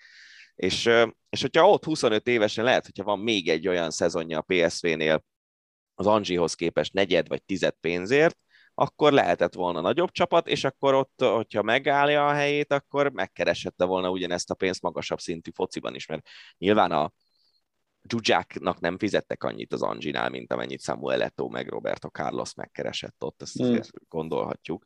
Szóval de tényleg ott az azonnali és, és könnyebb pénz, és nem, én nem kárhoztatom ezért őt igazából, mert, mert tényleg tehát, ö, olyan anyagi jólétet biztosította az életére, meg a, meg a családja, akár lesznek gyerekei, akár nem, az ő életüket nyugodtan megalapozta ezzel, a, ezzel az egy szerződéssel, úgyhogy szerintem nem lehet károztatni, csak sajnálni lehet, hogy, hogy nem egy másik útat választott. De szerintem ezt is már többször kibeszéltük. Igen.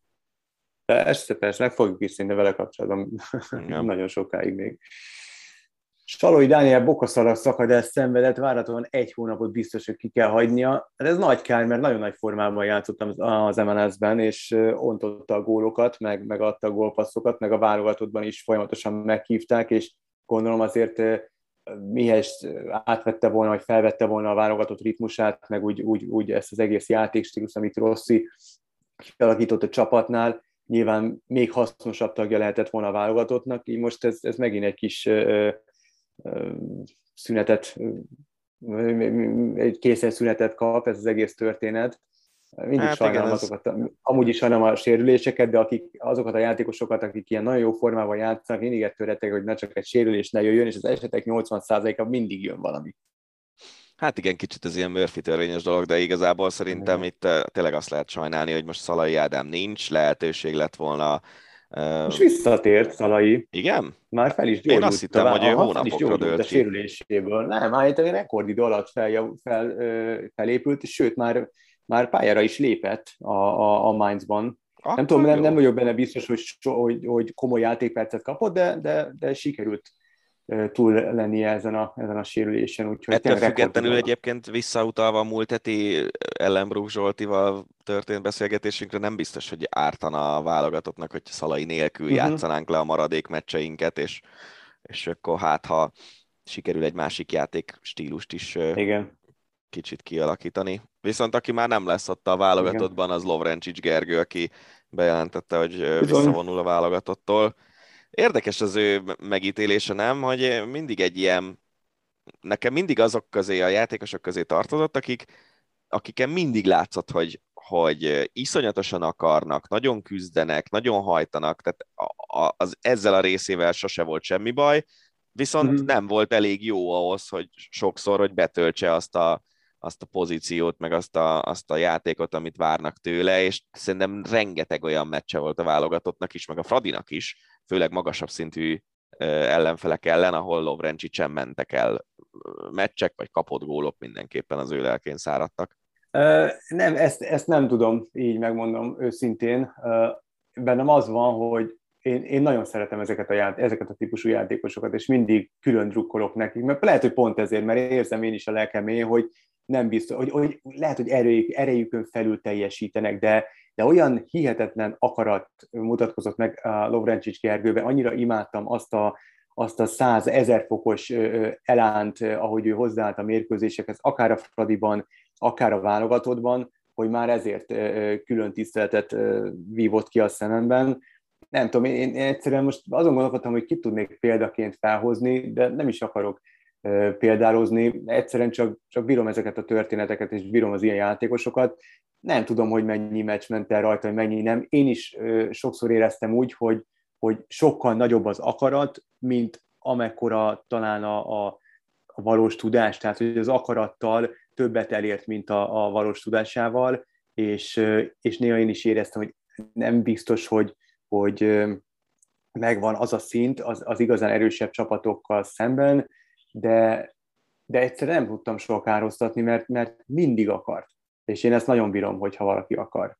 Abszolút. Ezt, ezt a részét ezt én is aláírom. Na hát még mindig a labdarúgásnál tartunk, de most egy picit Magyarországról kilépve, tőlünk nyugatabbra látogatunk.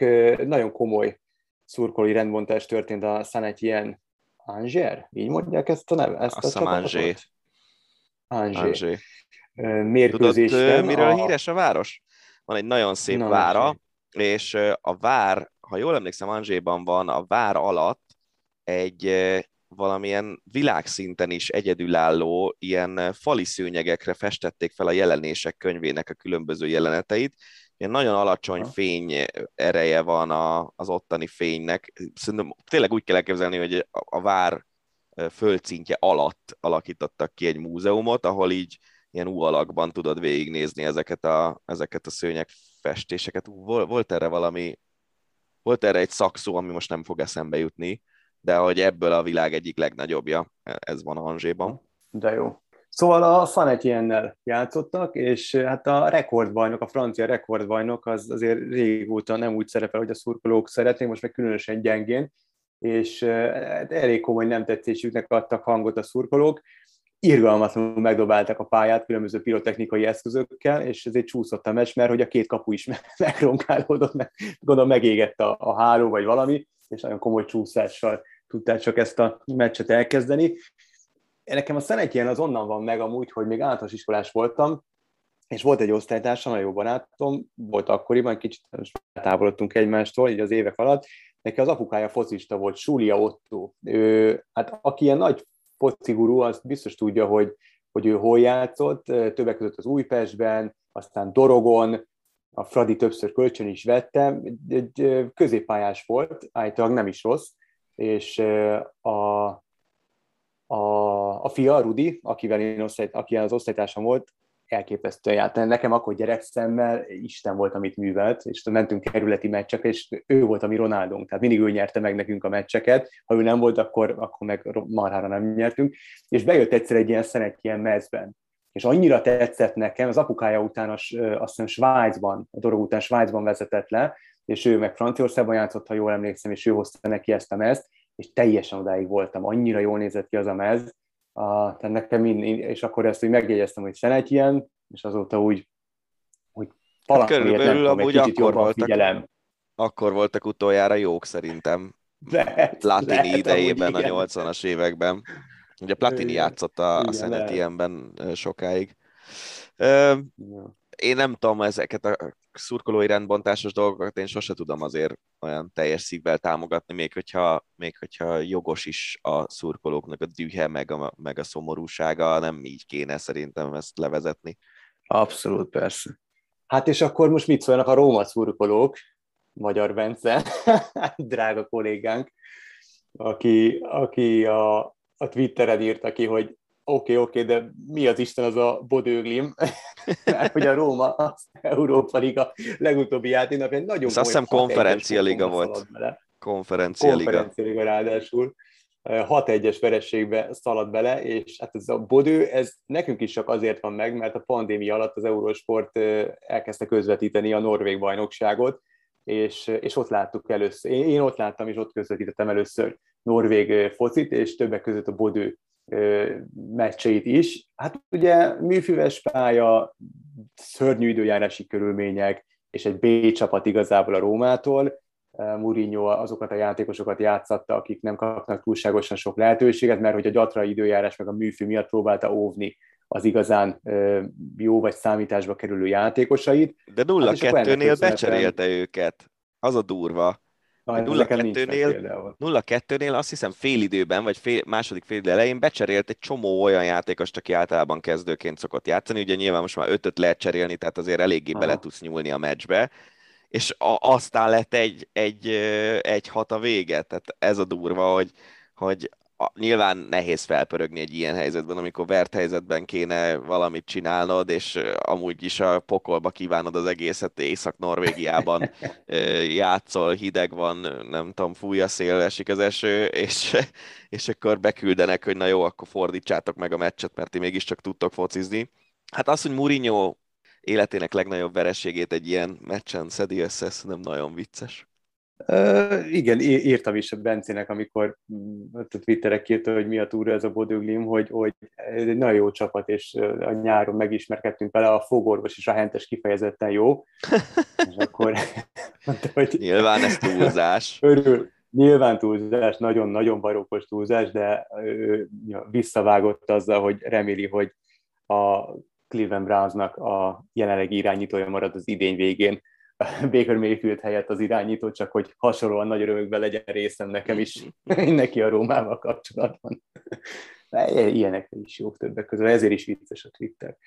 Na, egy másik hír, a szállodai szobájából irányította a Bayern a Benfica elleni BL meccsén Julian Nagelsmann vezetőedző, mint utóbb kiderült, azért mert Covid pozitív.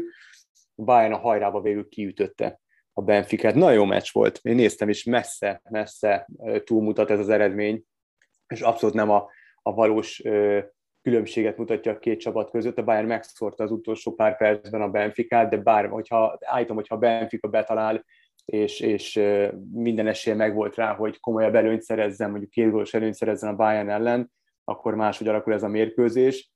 Vannak ilyen meccsek, nagy kifejezetten jó, kifejezetten jó meccs volt. Nagyon úgy tűnik, hogy a Benfica fog abból a csoportból tovább jutni, és nem a Barca, úgyhogy nem egy rossz csapat. Így van. A, emlékszel még uh, Thomas Gravenzelre? Hogyne. Egy ilyen kopasz Dán. Na uh, ő kell a Manchester United-ba, A hentes. a hentes. Hát na egy ilyen játékos, ugye a Real Madrid játékosa volt többek között, és uh, tegnap találtam vele kapcsolatban egy hírt, hogy uh, Las Vegasban telepedett le, és iszonyat nagy sztárok tőszomszédságában lakik, mert hogy dollár milliómos lett, de nem, nem egy-két-három, hanem ilyen százmilliókban mérik át állítólag a, a vagyonát a pókernek köszönhetően. Olyan szinten elkezdett pókerezni, és olyan jó játékos vált belőle, hogy százmilliós vagyonra tett szert, és egy, egy ismerőse név nélkül úgy nyilatkozott, hogy ő látta a Grávézent 80 millió dollárt is nyerni parti során, illetve 54 millió dollárt is veszíteni. Igen, azért a, van a, ez a high stakes poker, amiből közvetítettünk egy-két tornát, ahol én nem emlékszem már, hogy pontosan hogy nézett ki, de úgy emlékszem, hogy 100 ezer dollár volt a beugró, és voltak ott olyan játékosok, akik egészen könnyedén kifizették a, azt is, hogy többször visszavásárolták magukat.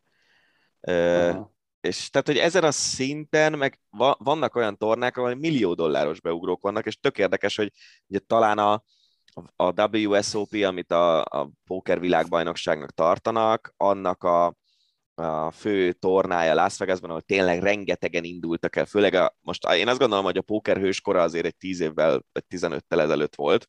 Uh-huh. Akkoriban ugye a 10 ezer dollár volt a, a buy és akkoriban tényleg több ezren játszottak azon a tornán, sok ezren és, és emiatt ugye nyilván e, iszonyú magas fődíj is jött ki, és ugye ezek a nagy értékes, úgymond szakmailag értékesebb tornáknál sokkal több pénzt lehet nyerni ezeken a, az ilyen high mhm. stakes tornákon, meg vannak ugye hát a cash game-ben ott lényegében olyan téttel játszol, amivel akarsz, tehát leül hat darab milliárdos az asztalhoz, akkor mondhatják azt, hogy mondjuk nem tudom, egy millió dollárra a nagyvak hogyha éppen olyan nyug van. Úgyhogy ott azért gyorsan lehet pénzeket le, nyerni, meg veszteni. Hát most az, hogy Gravészen nek egyáltalán volt már a fociból gondolom olyan vagyona, amiből azért elég jól el, el tudott kezdeni játszani. Ez, ez egy jó sztori. Majd meglátjuk, hogy tévére, tévés tornákon látjuk-e őt pókerezni. Karim Benzema ügye, nem tudom, hogy megvan-e a, a hallgatóknak, Tíz hónapos felfüggesztett börtönbüntetést kért rá az ügyész. Ugye volt az a szex videós ügye, amelyben, az a Real Madrid, amelyben a Real Madrid csatára is érintett.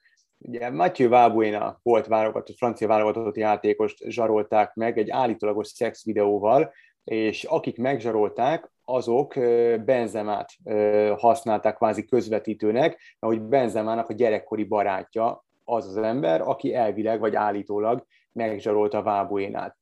És hát Benzema pedig eljátszotta a közvetítő szerepét, ami azért nagyon sok kérdést vett föl, leginkább morális kérdéseket, és ugye emiatt sokáig ő nem is szerepelt a válogatottban aztán végül reaktiválták, és hát most, most kezdődik ez a per, mondjuk hat évvel egyáltalán az ügy kirobbanása után, tehát ott is elég lassan őrölnek az igazságszolgáltatás kerekei. Minden esetre azért ez most nyilván nem jött jól, az amúgy remek formában lévő Benzemának. Hát ez az egész ügy ugye elég bonyolult, amennyire tudom, és, és, és nagyon sok sebből vérzik. Ha ez a sztori, nem tudom, hogy van-e értelme. Te egyáltalán a felfüggesztett börtönbüntetés, az nem tudom, hogy mennyire egy ilyen utolsó figyelmeztetés kvázi az ember életében, hogyha belemész még valami olyanba, amiben nem kéne, akkor, akkor baj lesz. De vicces, hogy azért majdnem minden héten van egy ilyen hír, hogy a Lucas Hernández börtönbe vonul, Benzemára felfüggesztettet kérnek, szóval azért érdekes, hogy a foci világa, ahol tényleg az emberek nagyon sok pénzzel rendelkeznek, az mennyire, mennyire tele van mégis ilyen bűnügyi hírekkel. Igen. Hát és ha már bűnügyi hír, ezt nem is nem lehet kommentálni, csak, csak, csak igazából azért gyűjtöttem be, mert, mert azért az embert úgy helyre teszi, és, és valahogy úgy a fontos kérdésekre úgy rámutat, tehát továbbra is kómában van, de stabilizálták az állapotát annak a belga Man City szurkolónak, akit összevertek az angol csapat Brüzs elleni BL csoportmérkőzését követően.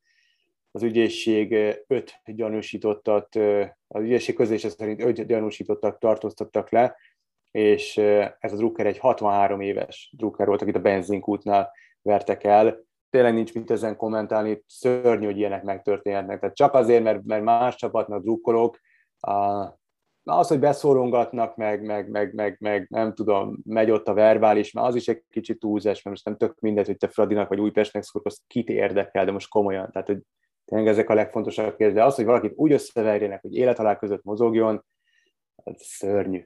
Szörnyű tényleg. Igen.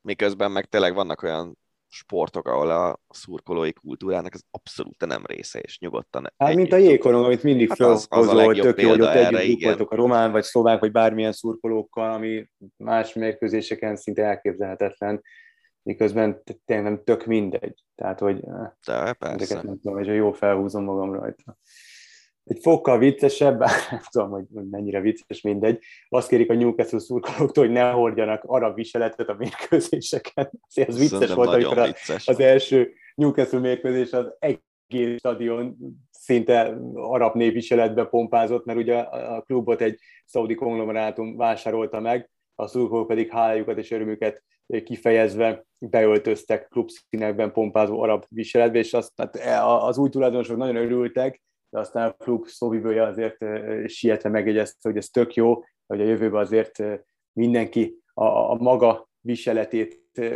hordja, és, és, és ezzel őrizzék meg a sokszínűségét a stadionnak, illetve a szurkolótábornak.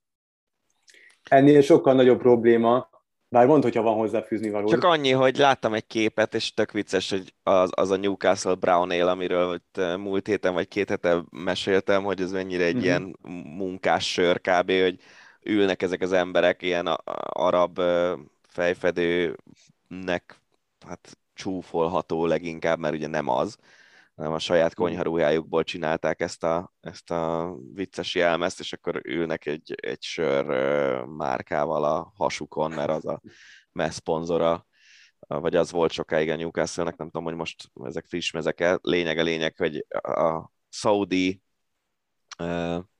törvénykezés, meg a szaudi életszigora és a, és a sör egy jelenetben, ez szerintem elég mókás. Igen az már kevésbé, hogy nem is az, hogy menesztették ezedik mérkőzése után Steve Bruce vezetőedzőt, aki előbb a 13. majd a 12. helyen zárta, az amúgy abszolút nem erős, és többször a kiesés sorsára ítélt Newcastle a bajnokságban munkássága során, illetve az FA kupában legjobb nyolcig vezette a csapatot, hanem szerintem a történetben az a szomorú, amit utána Steve Bruce mesélt, és nem is egy nyílt levél volt, hanem talán egy interjú, és nagyon szívhez szóló mondatokat lehetett hallani a, a korábbi Manchester United játékos legendától, miszerint úgy dolgozta végig ezt a két évet, hogy folyamatosan úgy érezte, hogy ezt nem fogadják el, nem szeretik, csúfolják, egy részük csúfolja, beszólongat nekik, nem tartották elég jó edzőnek, és hogy milyen szintű a verbális bántalmazásoknak kellett, akármennyire durvának tűnik ez a kifejezés, de verbális bántásokat kellett elviselnie ennek a szakembernek, úgy, hogy ezt a rakás csapatot nem, hogy bent tartotta, de középcsapatot csinált ebből a gárdából, és amúgy messze nem volt rosszabb, mint az elődei. Igen, de mondjuk most... Azért, kicsit... Most azért szerintem a leányzó fekvése nagyon megváltozott, tehát most ott tart a dolog, hogy a szaudiak befektetnek egy csomó pénzt, 0-4-5-tel áll a Newcastle az utolsó előtti helyen, 4 ponttal, 9 forduló után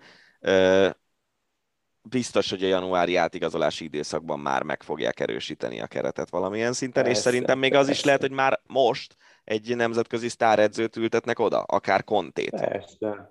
Persze, hát, hogy én értem persze, ezt a dolgot, és nyilván tehát vannak ezek a, ezek a Steve Bruce-ok, Ellen Pardew, nem tudom, sorolhatnánk igen, ezeket az angol igen. edzőkeringő embereit.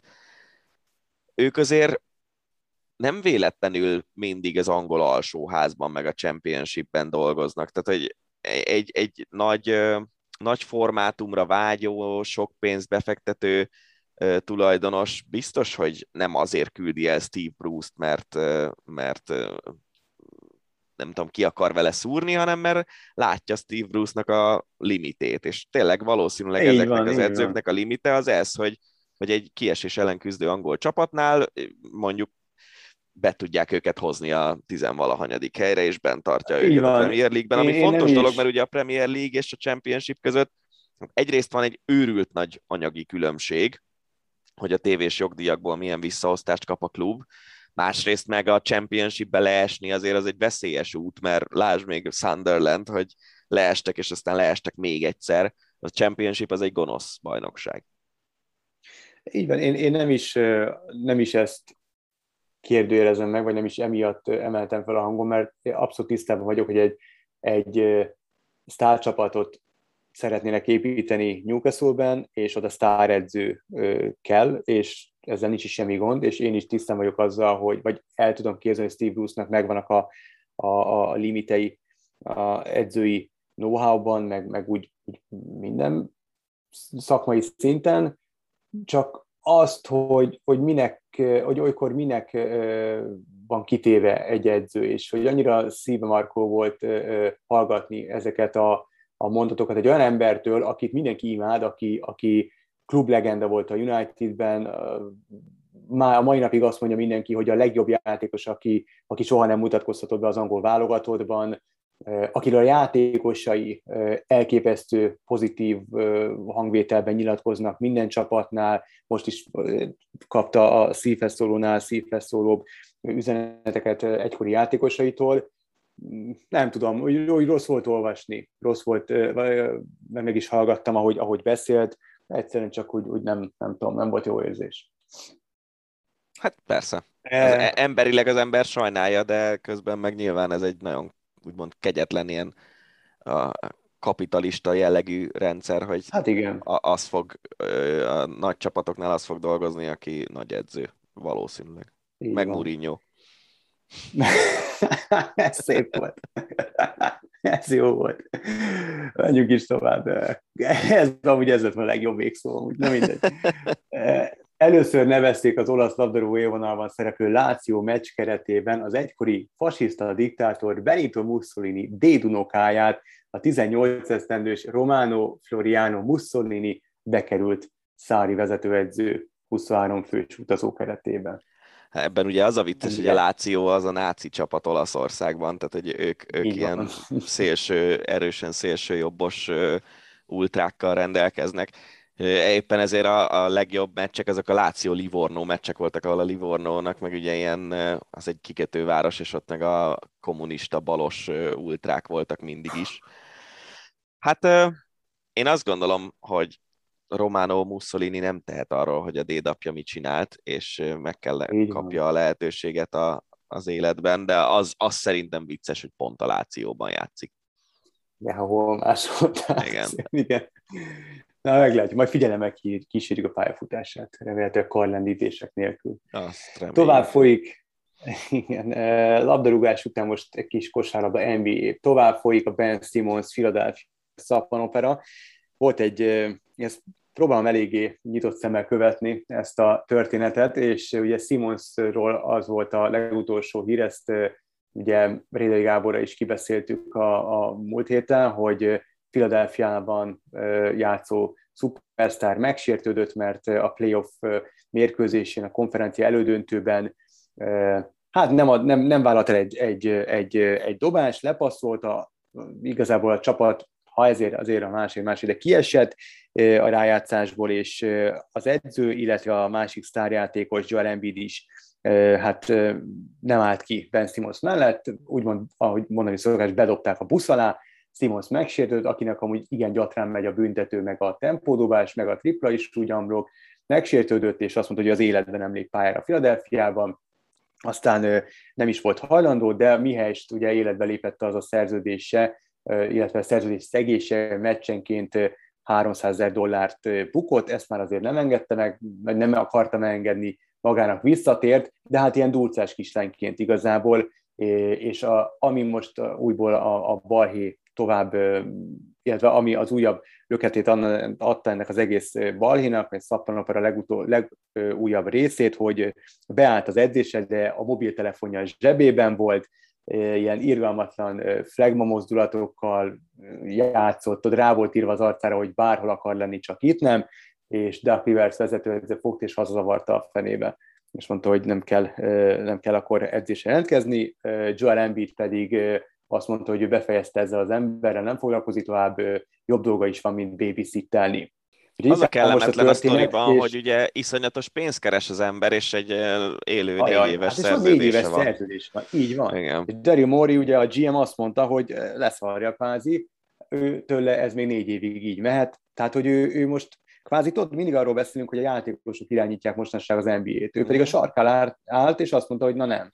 Tehát na jó, de ebből nem kér. Figyelj, az, az hol sarkára állás, hogy, hogy fizetjük ezt, a, ezt az embert, miközben nincs mögötte érték, és, és nyilván ugye az NBA-ben az a rendszer, hogy van egy fizetési plafon, amíg a csapatok gazdálkodhatnak, tehát most áll ez a négy éves szerződés a fizetési plafon alatt, és nem tudnak vele mit kezdeni, nem tudnak hát, egy, egy, egy hasonló szintű játékost igazolni Simons helyére, úgyhogy nyilván az a legjobb megoldás mindenkinek, hogyha szépen szépen elcserélik majd valami hasonló szintű játékosra, és akkor egy olyanra, aki Embiiddel mondjuk jóban van, és akkor összeállhat Filadelfiában is egy ilyen bajnoki címre törő Hát igen, csak ezzel veszít az értékéből Simons, tehát a Dulc, tehát ez egy ilyen ördögi kör, hogy nyilván Móri azt mondja, hogy ez négy évig fog így menni, viszont áll benne a pénz, nem tudnak cserélni, ő azt mondja, hogy csak akkor cserélik, ha megfelelő értéket kapnak, viszont nagyon sokan azt mondják, hogy hát fene akar egy ilyen hisztérikát leigazolni, ráadásul ott vannak azok a dolgok, amik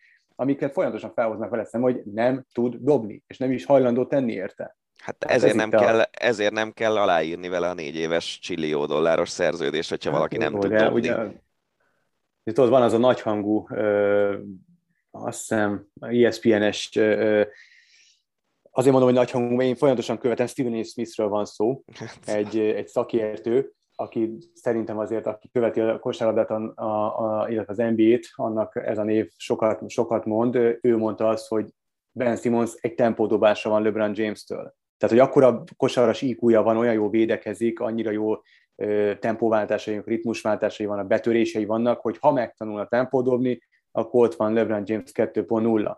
Tehát ezért teszik fel vele kapcsolatban a kérdés, hogy a túrója nem, nem tanul meg rendesen dobni, de sokan meg azt mondják, hogy fejben van ott a gond. Na mindegy, ezt most nem fogjuk itt megfejteni, de az biztos, hogy ez a szappanopera, ez, ennek még jó pár részét fogjuk taglalni itt a műsorban. Tenisszel folytatjuk. Egy aranyos hír, Roger Federer komoly megtiszteltetésben részesült, Bázelben nevével fémjelzett villamost indítottak útjának a nyolcas villamos vonalán, ugyanis kölyök korábban ezzel a villamosra utazott nap, mint nap edzésre, és igazából csak azért tettem be a mai adásba ezt a hírt, hogy rákérdezek, hogy te magyar viszonylatban kinek a nevével indítanál el villamos vonalat? Vagy melyik villamos vonalon indítanál el valamelyik sportoló, legendás sportoló nevével villamost? Nem tudom, hogy, hogy hol jár ő, vagy járt gyerekkorában, de ez nekem Szilágyi Áron van most a, a magyar sport csúcsán uh-huh. ilyen szempontból, aki tényleg egy, egy olyan figura, hát aki... vasas, tehát Hát de most nem, vasas felé. akkor a 14-es villamos. Nem tudom, hogy ő hol edzett, meg hol lakott, meg ilyenek. De Pasarét, nem? Hát ő, hát ő ezer éve Vasasnál van, és ott azt hiszem a Pasaréten van a Vasasnak a vívó ö, csarnoka. Ezt se tudom, ezt se tudom, hogy hol van a vívó csarnok, meg azt se tényleg, hogy ő hol lakott. Tehát lehet, hogy ott lakott mellette, és mm. nem ment villamosan. De mindegy, de függetlenül mm. ettől ö, ö, biztos, hogy, biztos, hogyha ilyenre kerülne sor, akkor nálam a, mm. az első helyen ő lenne a névsorban. Igen, nem, nem is. Nem Mert hogy itt ugye ez egy dolog, hogy mit érsz el a sportban, de hogy mellé milyen ember vagy, és én nem emlékszem arra, hogy Szilágyi Áron egy rossz szót szólt volna ő maga életében, mióta, pedig azért elég régóta előtérben van, és nem emlékszem, hogy bárki valaha rosszat mondott volna rá. Így van, abszolút. Kerékpár, ugye zajlik a, a Zajlott. pályakerékpáros világban, zajlott a pályakerékpáros világbajnokság Hubájban, és hát magyar eredményeket gyűjtöttem össze, leginkább azért, hogy te értékelt, hogy ugye te vagy itt a kettőnk közül abszolút a kerékpár szaki, aki folyamatosan nem hogy követ ide, hogy kommentálja a kerékpár versenyeket. Szóval 17. helyezett Omniumban Firutás, uh-huh. ezt majd várj, ezt, ezt majd Viktor. már meg, szóval, ez, Viktor. A 17. hely Omniumban, a négy számot magában foglaló Omniumban Filutás Viktortól, um, és voltak még, még magyar eredmények, Lovasi 17. scratchben. Hogy kell értékelni, hol kell, hova kell helyezni ezeket az eredményeket? Hát figyelj, ha voltak még eredmények, akkor, akkor azt mondd el. Uh, igazából, aki, aki viszonylag egy nagy eredményhez közel volt, de ez nem látszik az eredmény, az Borissa Johanna, aki a női scratch versenyen uh, egy fél körrel előbb támadott, mint az az olasz lány, aki végül megnyerte a versenyt. És volt egy olyan helyzet, hogy ahogy utolérte őt az olasz lány, elég nagy tempókülönbséggel megjött, Borisa Johanna fölborította a pályára, ugye ez egy nagyon meredek, a, főleg a kanyarokban nagyon meredek a, a kerékpáros velodromban a pálya, és ahogy visszaborított, nem tudott bekerülni a szélárnyékába az olasznak. Hogyha ott bent tud maradni a szélárnyékban, akkor szerintem végig tudott volna menni mögötte, és akkor ö, legalább második, mert az olasz lány hazaért. Így viszont az utolsó körben megelőzte a teljes mezőny Borisa Johannát, és uh-huh. 20 lett így végül. Azt hiszem egyébként 16 lett a vasárnapi női pontversenyben. Igen, 16 lett, úgyhogy számszerűleg az a legjobb eredmény. Hát ezt az egészet úgy kell nézni, meg Szalontai Sándor is emlékeim szerint 17 lett talán a, a férfi sprintben. De mindegy, tényleg itt a számszerű eredmény ez nem kevésbé fontos, ezt az egészet onnan kell nézni, hogy nincsen Magyarországon olyan velodrom, ahol ők edzeni tudnak. Az. Ugye van a millenáris, de hát az egy, ez egy sokkal nagyobb beton, szabadtéri, szörnyű állapotban van, tényleg szó szerint omladozik a, a millenáris. Ők ott tudnak edzeni, meg, meg eddig tudtak edzeni Bécsben, viszonylag olcsón, de a Bécsi velodromot most lebontják és felújítan, vagy építenek helyett egy újat. És, és innentől kezdve olcsón tudnak edzeni Plovdivban, ami 10 óra autózásra van Bulgáriában, vagy pedig Szlovéniában drágán. 70 euró egy óra állítólag a szlovén velodromban. Szóval, szóval ehhez képest, hogy ők nem tudnak lényegében rendesen edzeni, ehhez képest nyilván ezek nagy eredmények. Lovasi volt EB második, Filutás Viktor ugye az elmúlt két évben az országúton is megnyerte a magyar bajnokságot, és emellett pályakerékpározik. Én azt gondolom, hogy, hogy e, ez, az, ez tényleg az a szakág, ahol, ahol a néhány szentőrült tartja még életben a dolgot. Elvileg ugye Debrecenben elkezdték most a veloparknak az építését, és abban lesz egy velodrom, de, de nem azé a prioritás, meg volt szó arról, hogy Kőbányán lesz ott a, azt a, a, azon a környéken talán, ahol a, vagy a, vagy a nagy sportág környéken, vagy a régi Kesjárféle gokárt pálya környékén, nem emlékszem hogy a kettő közül melyik helyszínen, de a lényeg a lényeg, hogy Kőbányán terveztek egy ilyen, hát egy ilyen félig meddig ilyen mobil velodromot, úgymond, hogy a pálya rendben van, de a tetőszerkezet az egy ilyen valami mhm. könnyű, könnyű szerkezetes történet.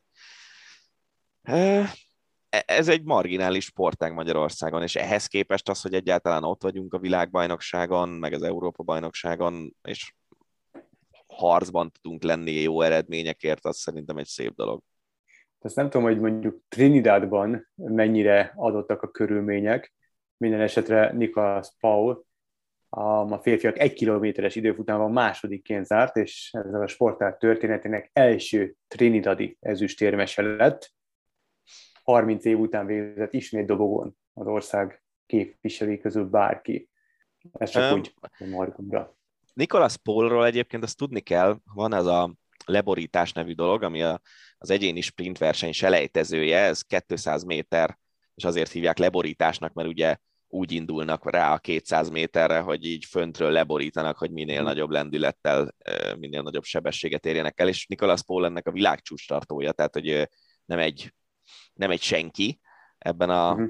szakmában egyáltalán nem, de nyilván az, hogy van például Szurináméból is egy top szintű sprinter, aki, aki az olimpián is szerepelt sprint számokban, meg itt a VB-n is, meg van két Trinidadi, az egy érdekesség, de ugye hát tudjuk, hogy a, a karibi embereknek a testalkata az egyébként ezekre a sprint számokra fokozottan alkalmas. Lásd még Usain Bolt, meg egy csomó egyéb karibi jó sprinter az atlétikában, úgyhogy itt az a kérdés, hogy tényleg melyik, melyik sportágat választják.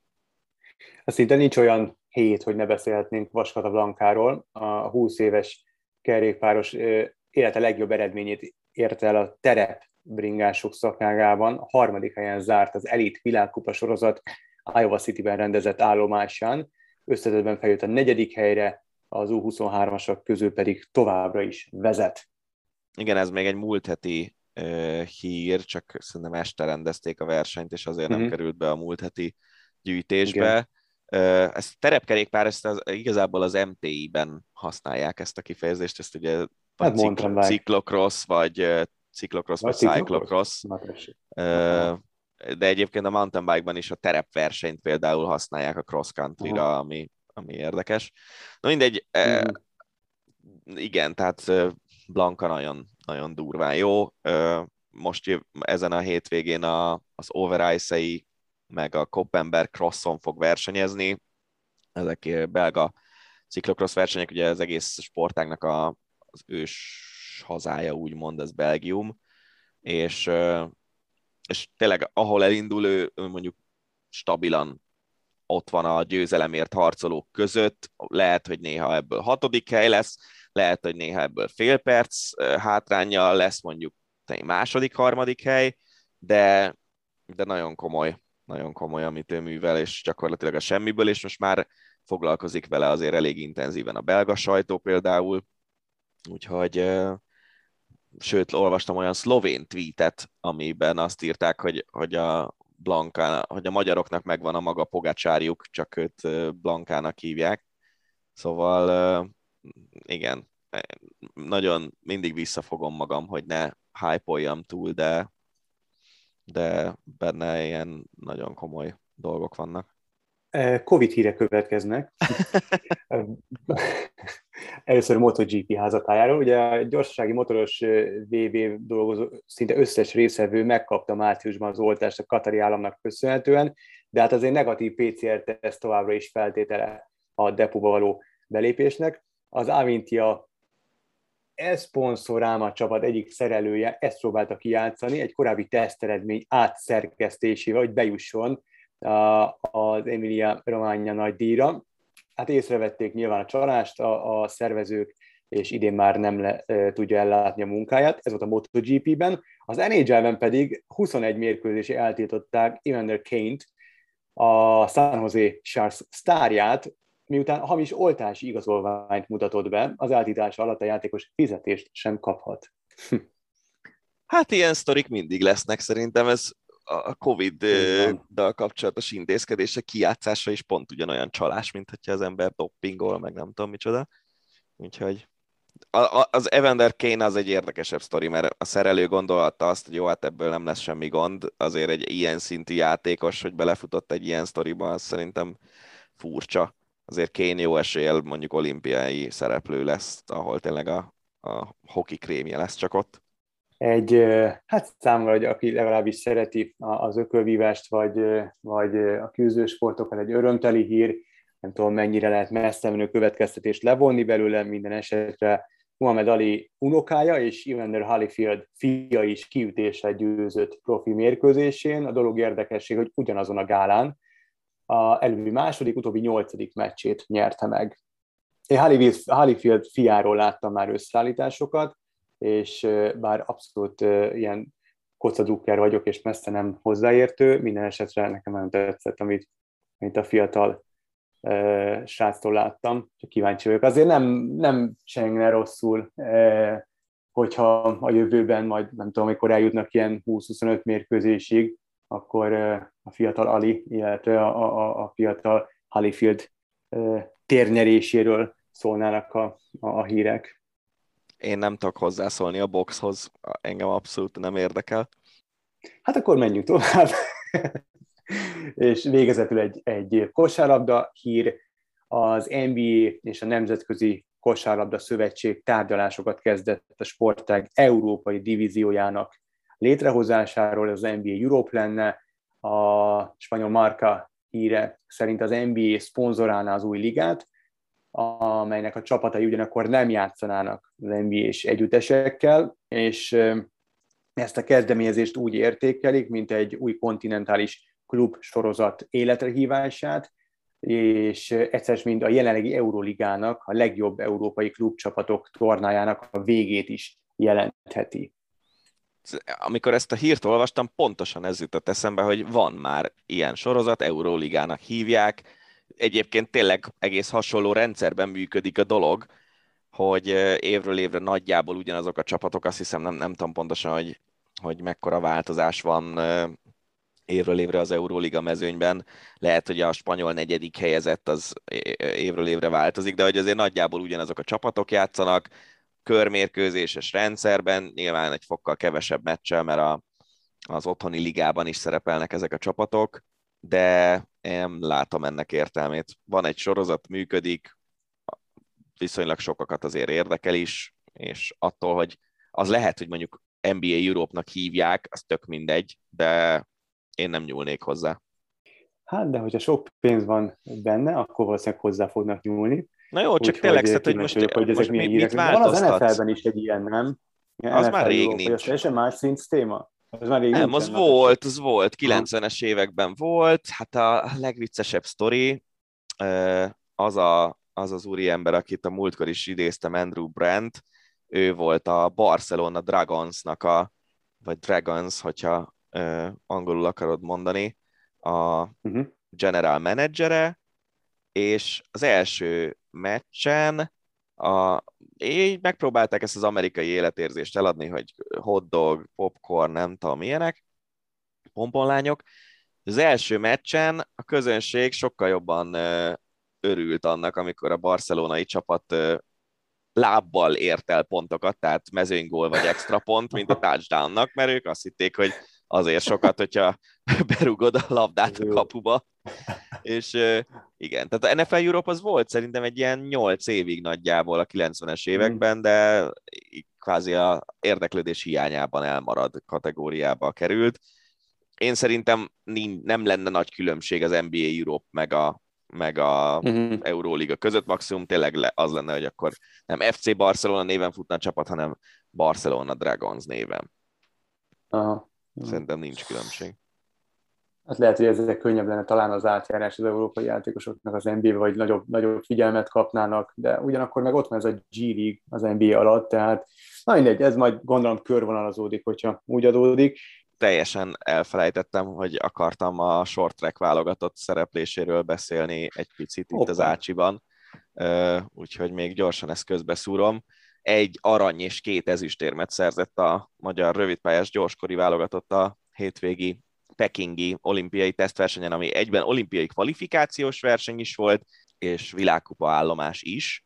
Um, ami talán ennél is fontosabb az az, hogy, hogy gyakorlatilag minden számban uh, ilyen kvótát érő helyen végeztek a, a magyarok, uh, leszámítva a női, hogy is, a női váltót, igen, a női váltó az nem tudott a legjobb nyolc közé jutni, de a vegyes váltó az igen, és a férfi váltó is második lett, ami ugye azért nagyon fontos, mert négy éve az olimpiára épp hogy kijutott a férfi váltónk, mert egyetlen egy döntőt sem tudott futni, és most már rögtön egy második helyjel kezdtek, ezért az elég sok pontot ér, úgyhogy remélhetőleg nem lesz gond a férfi váltó kvalifikálásával, ha már címvédők vagyunk valamiben egy téli olimpián, és, és egyébként a Liu testvérek elég jól szerepeltek, illetve John Harry Kruger a, az Amerikából honosított már magyar színekben versenyzőkor is, is elég jól szerepelt a hétvégén, úgyhogy így tovább, és, és reméljük, hogy a következő hétvégén Nagoyai állomás is hasonlóan jól sikerül.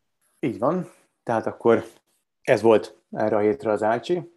Amit korábban elmondtam, az természetesen még most is áll, hogyha van bármiféle észrevételeket, akkor azt tudassátok velünk a megfelelő csatornákon, Twitteren, Instagramon, bárhol, illetve ha van olyan híretek, amit nem hallottatok, de szeretnétek, vagy érdekelne a véleményünk róla, akkor azt is ugyanúgy a tudomásunkra tudjátok hozni.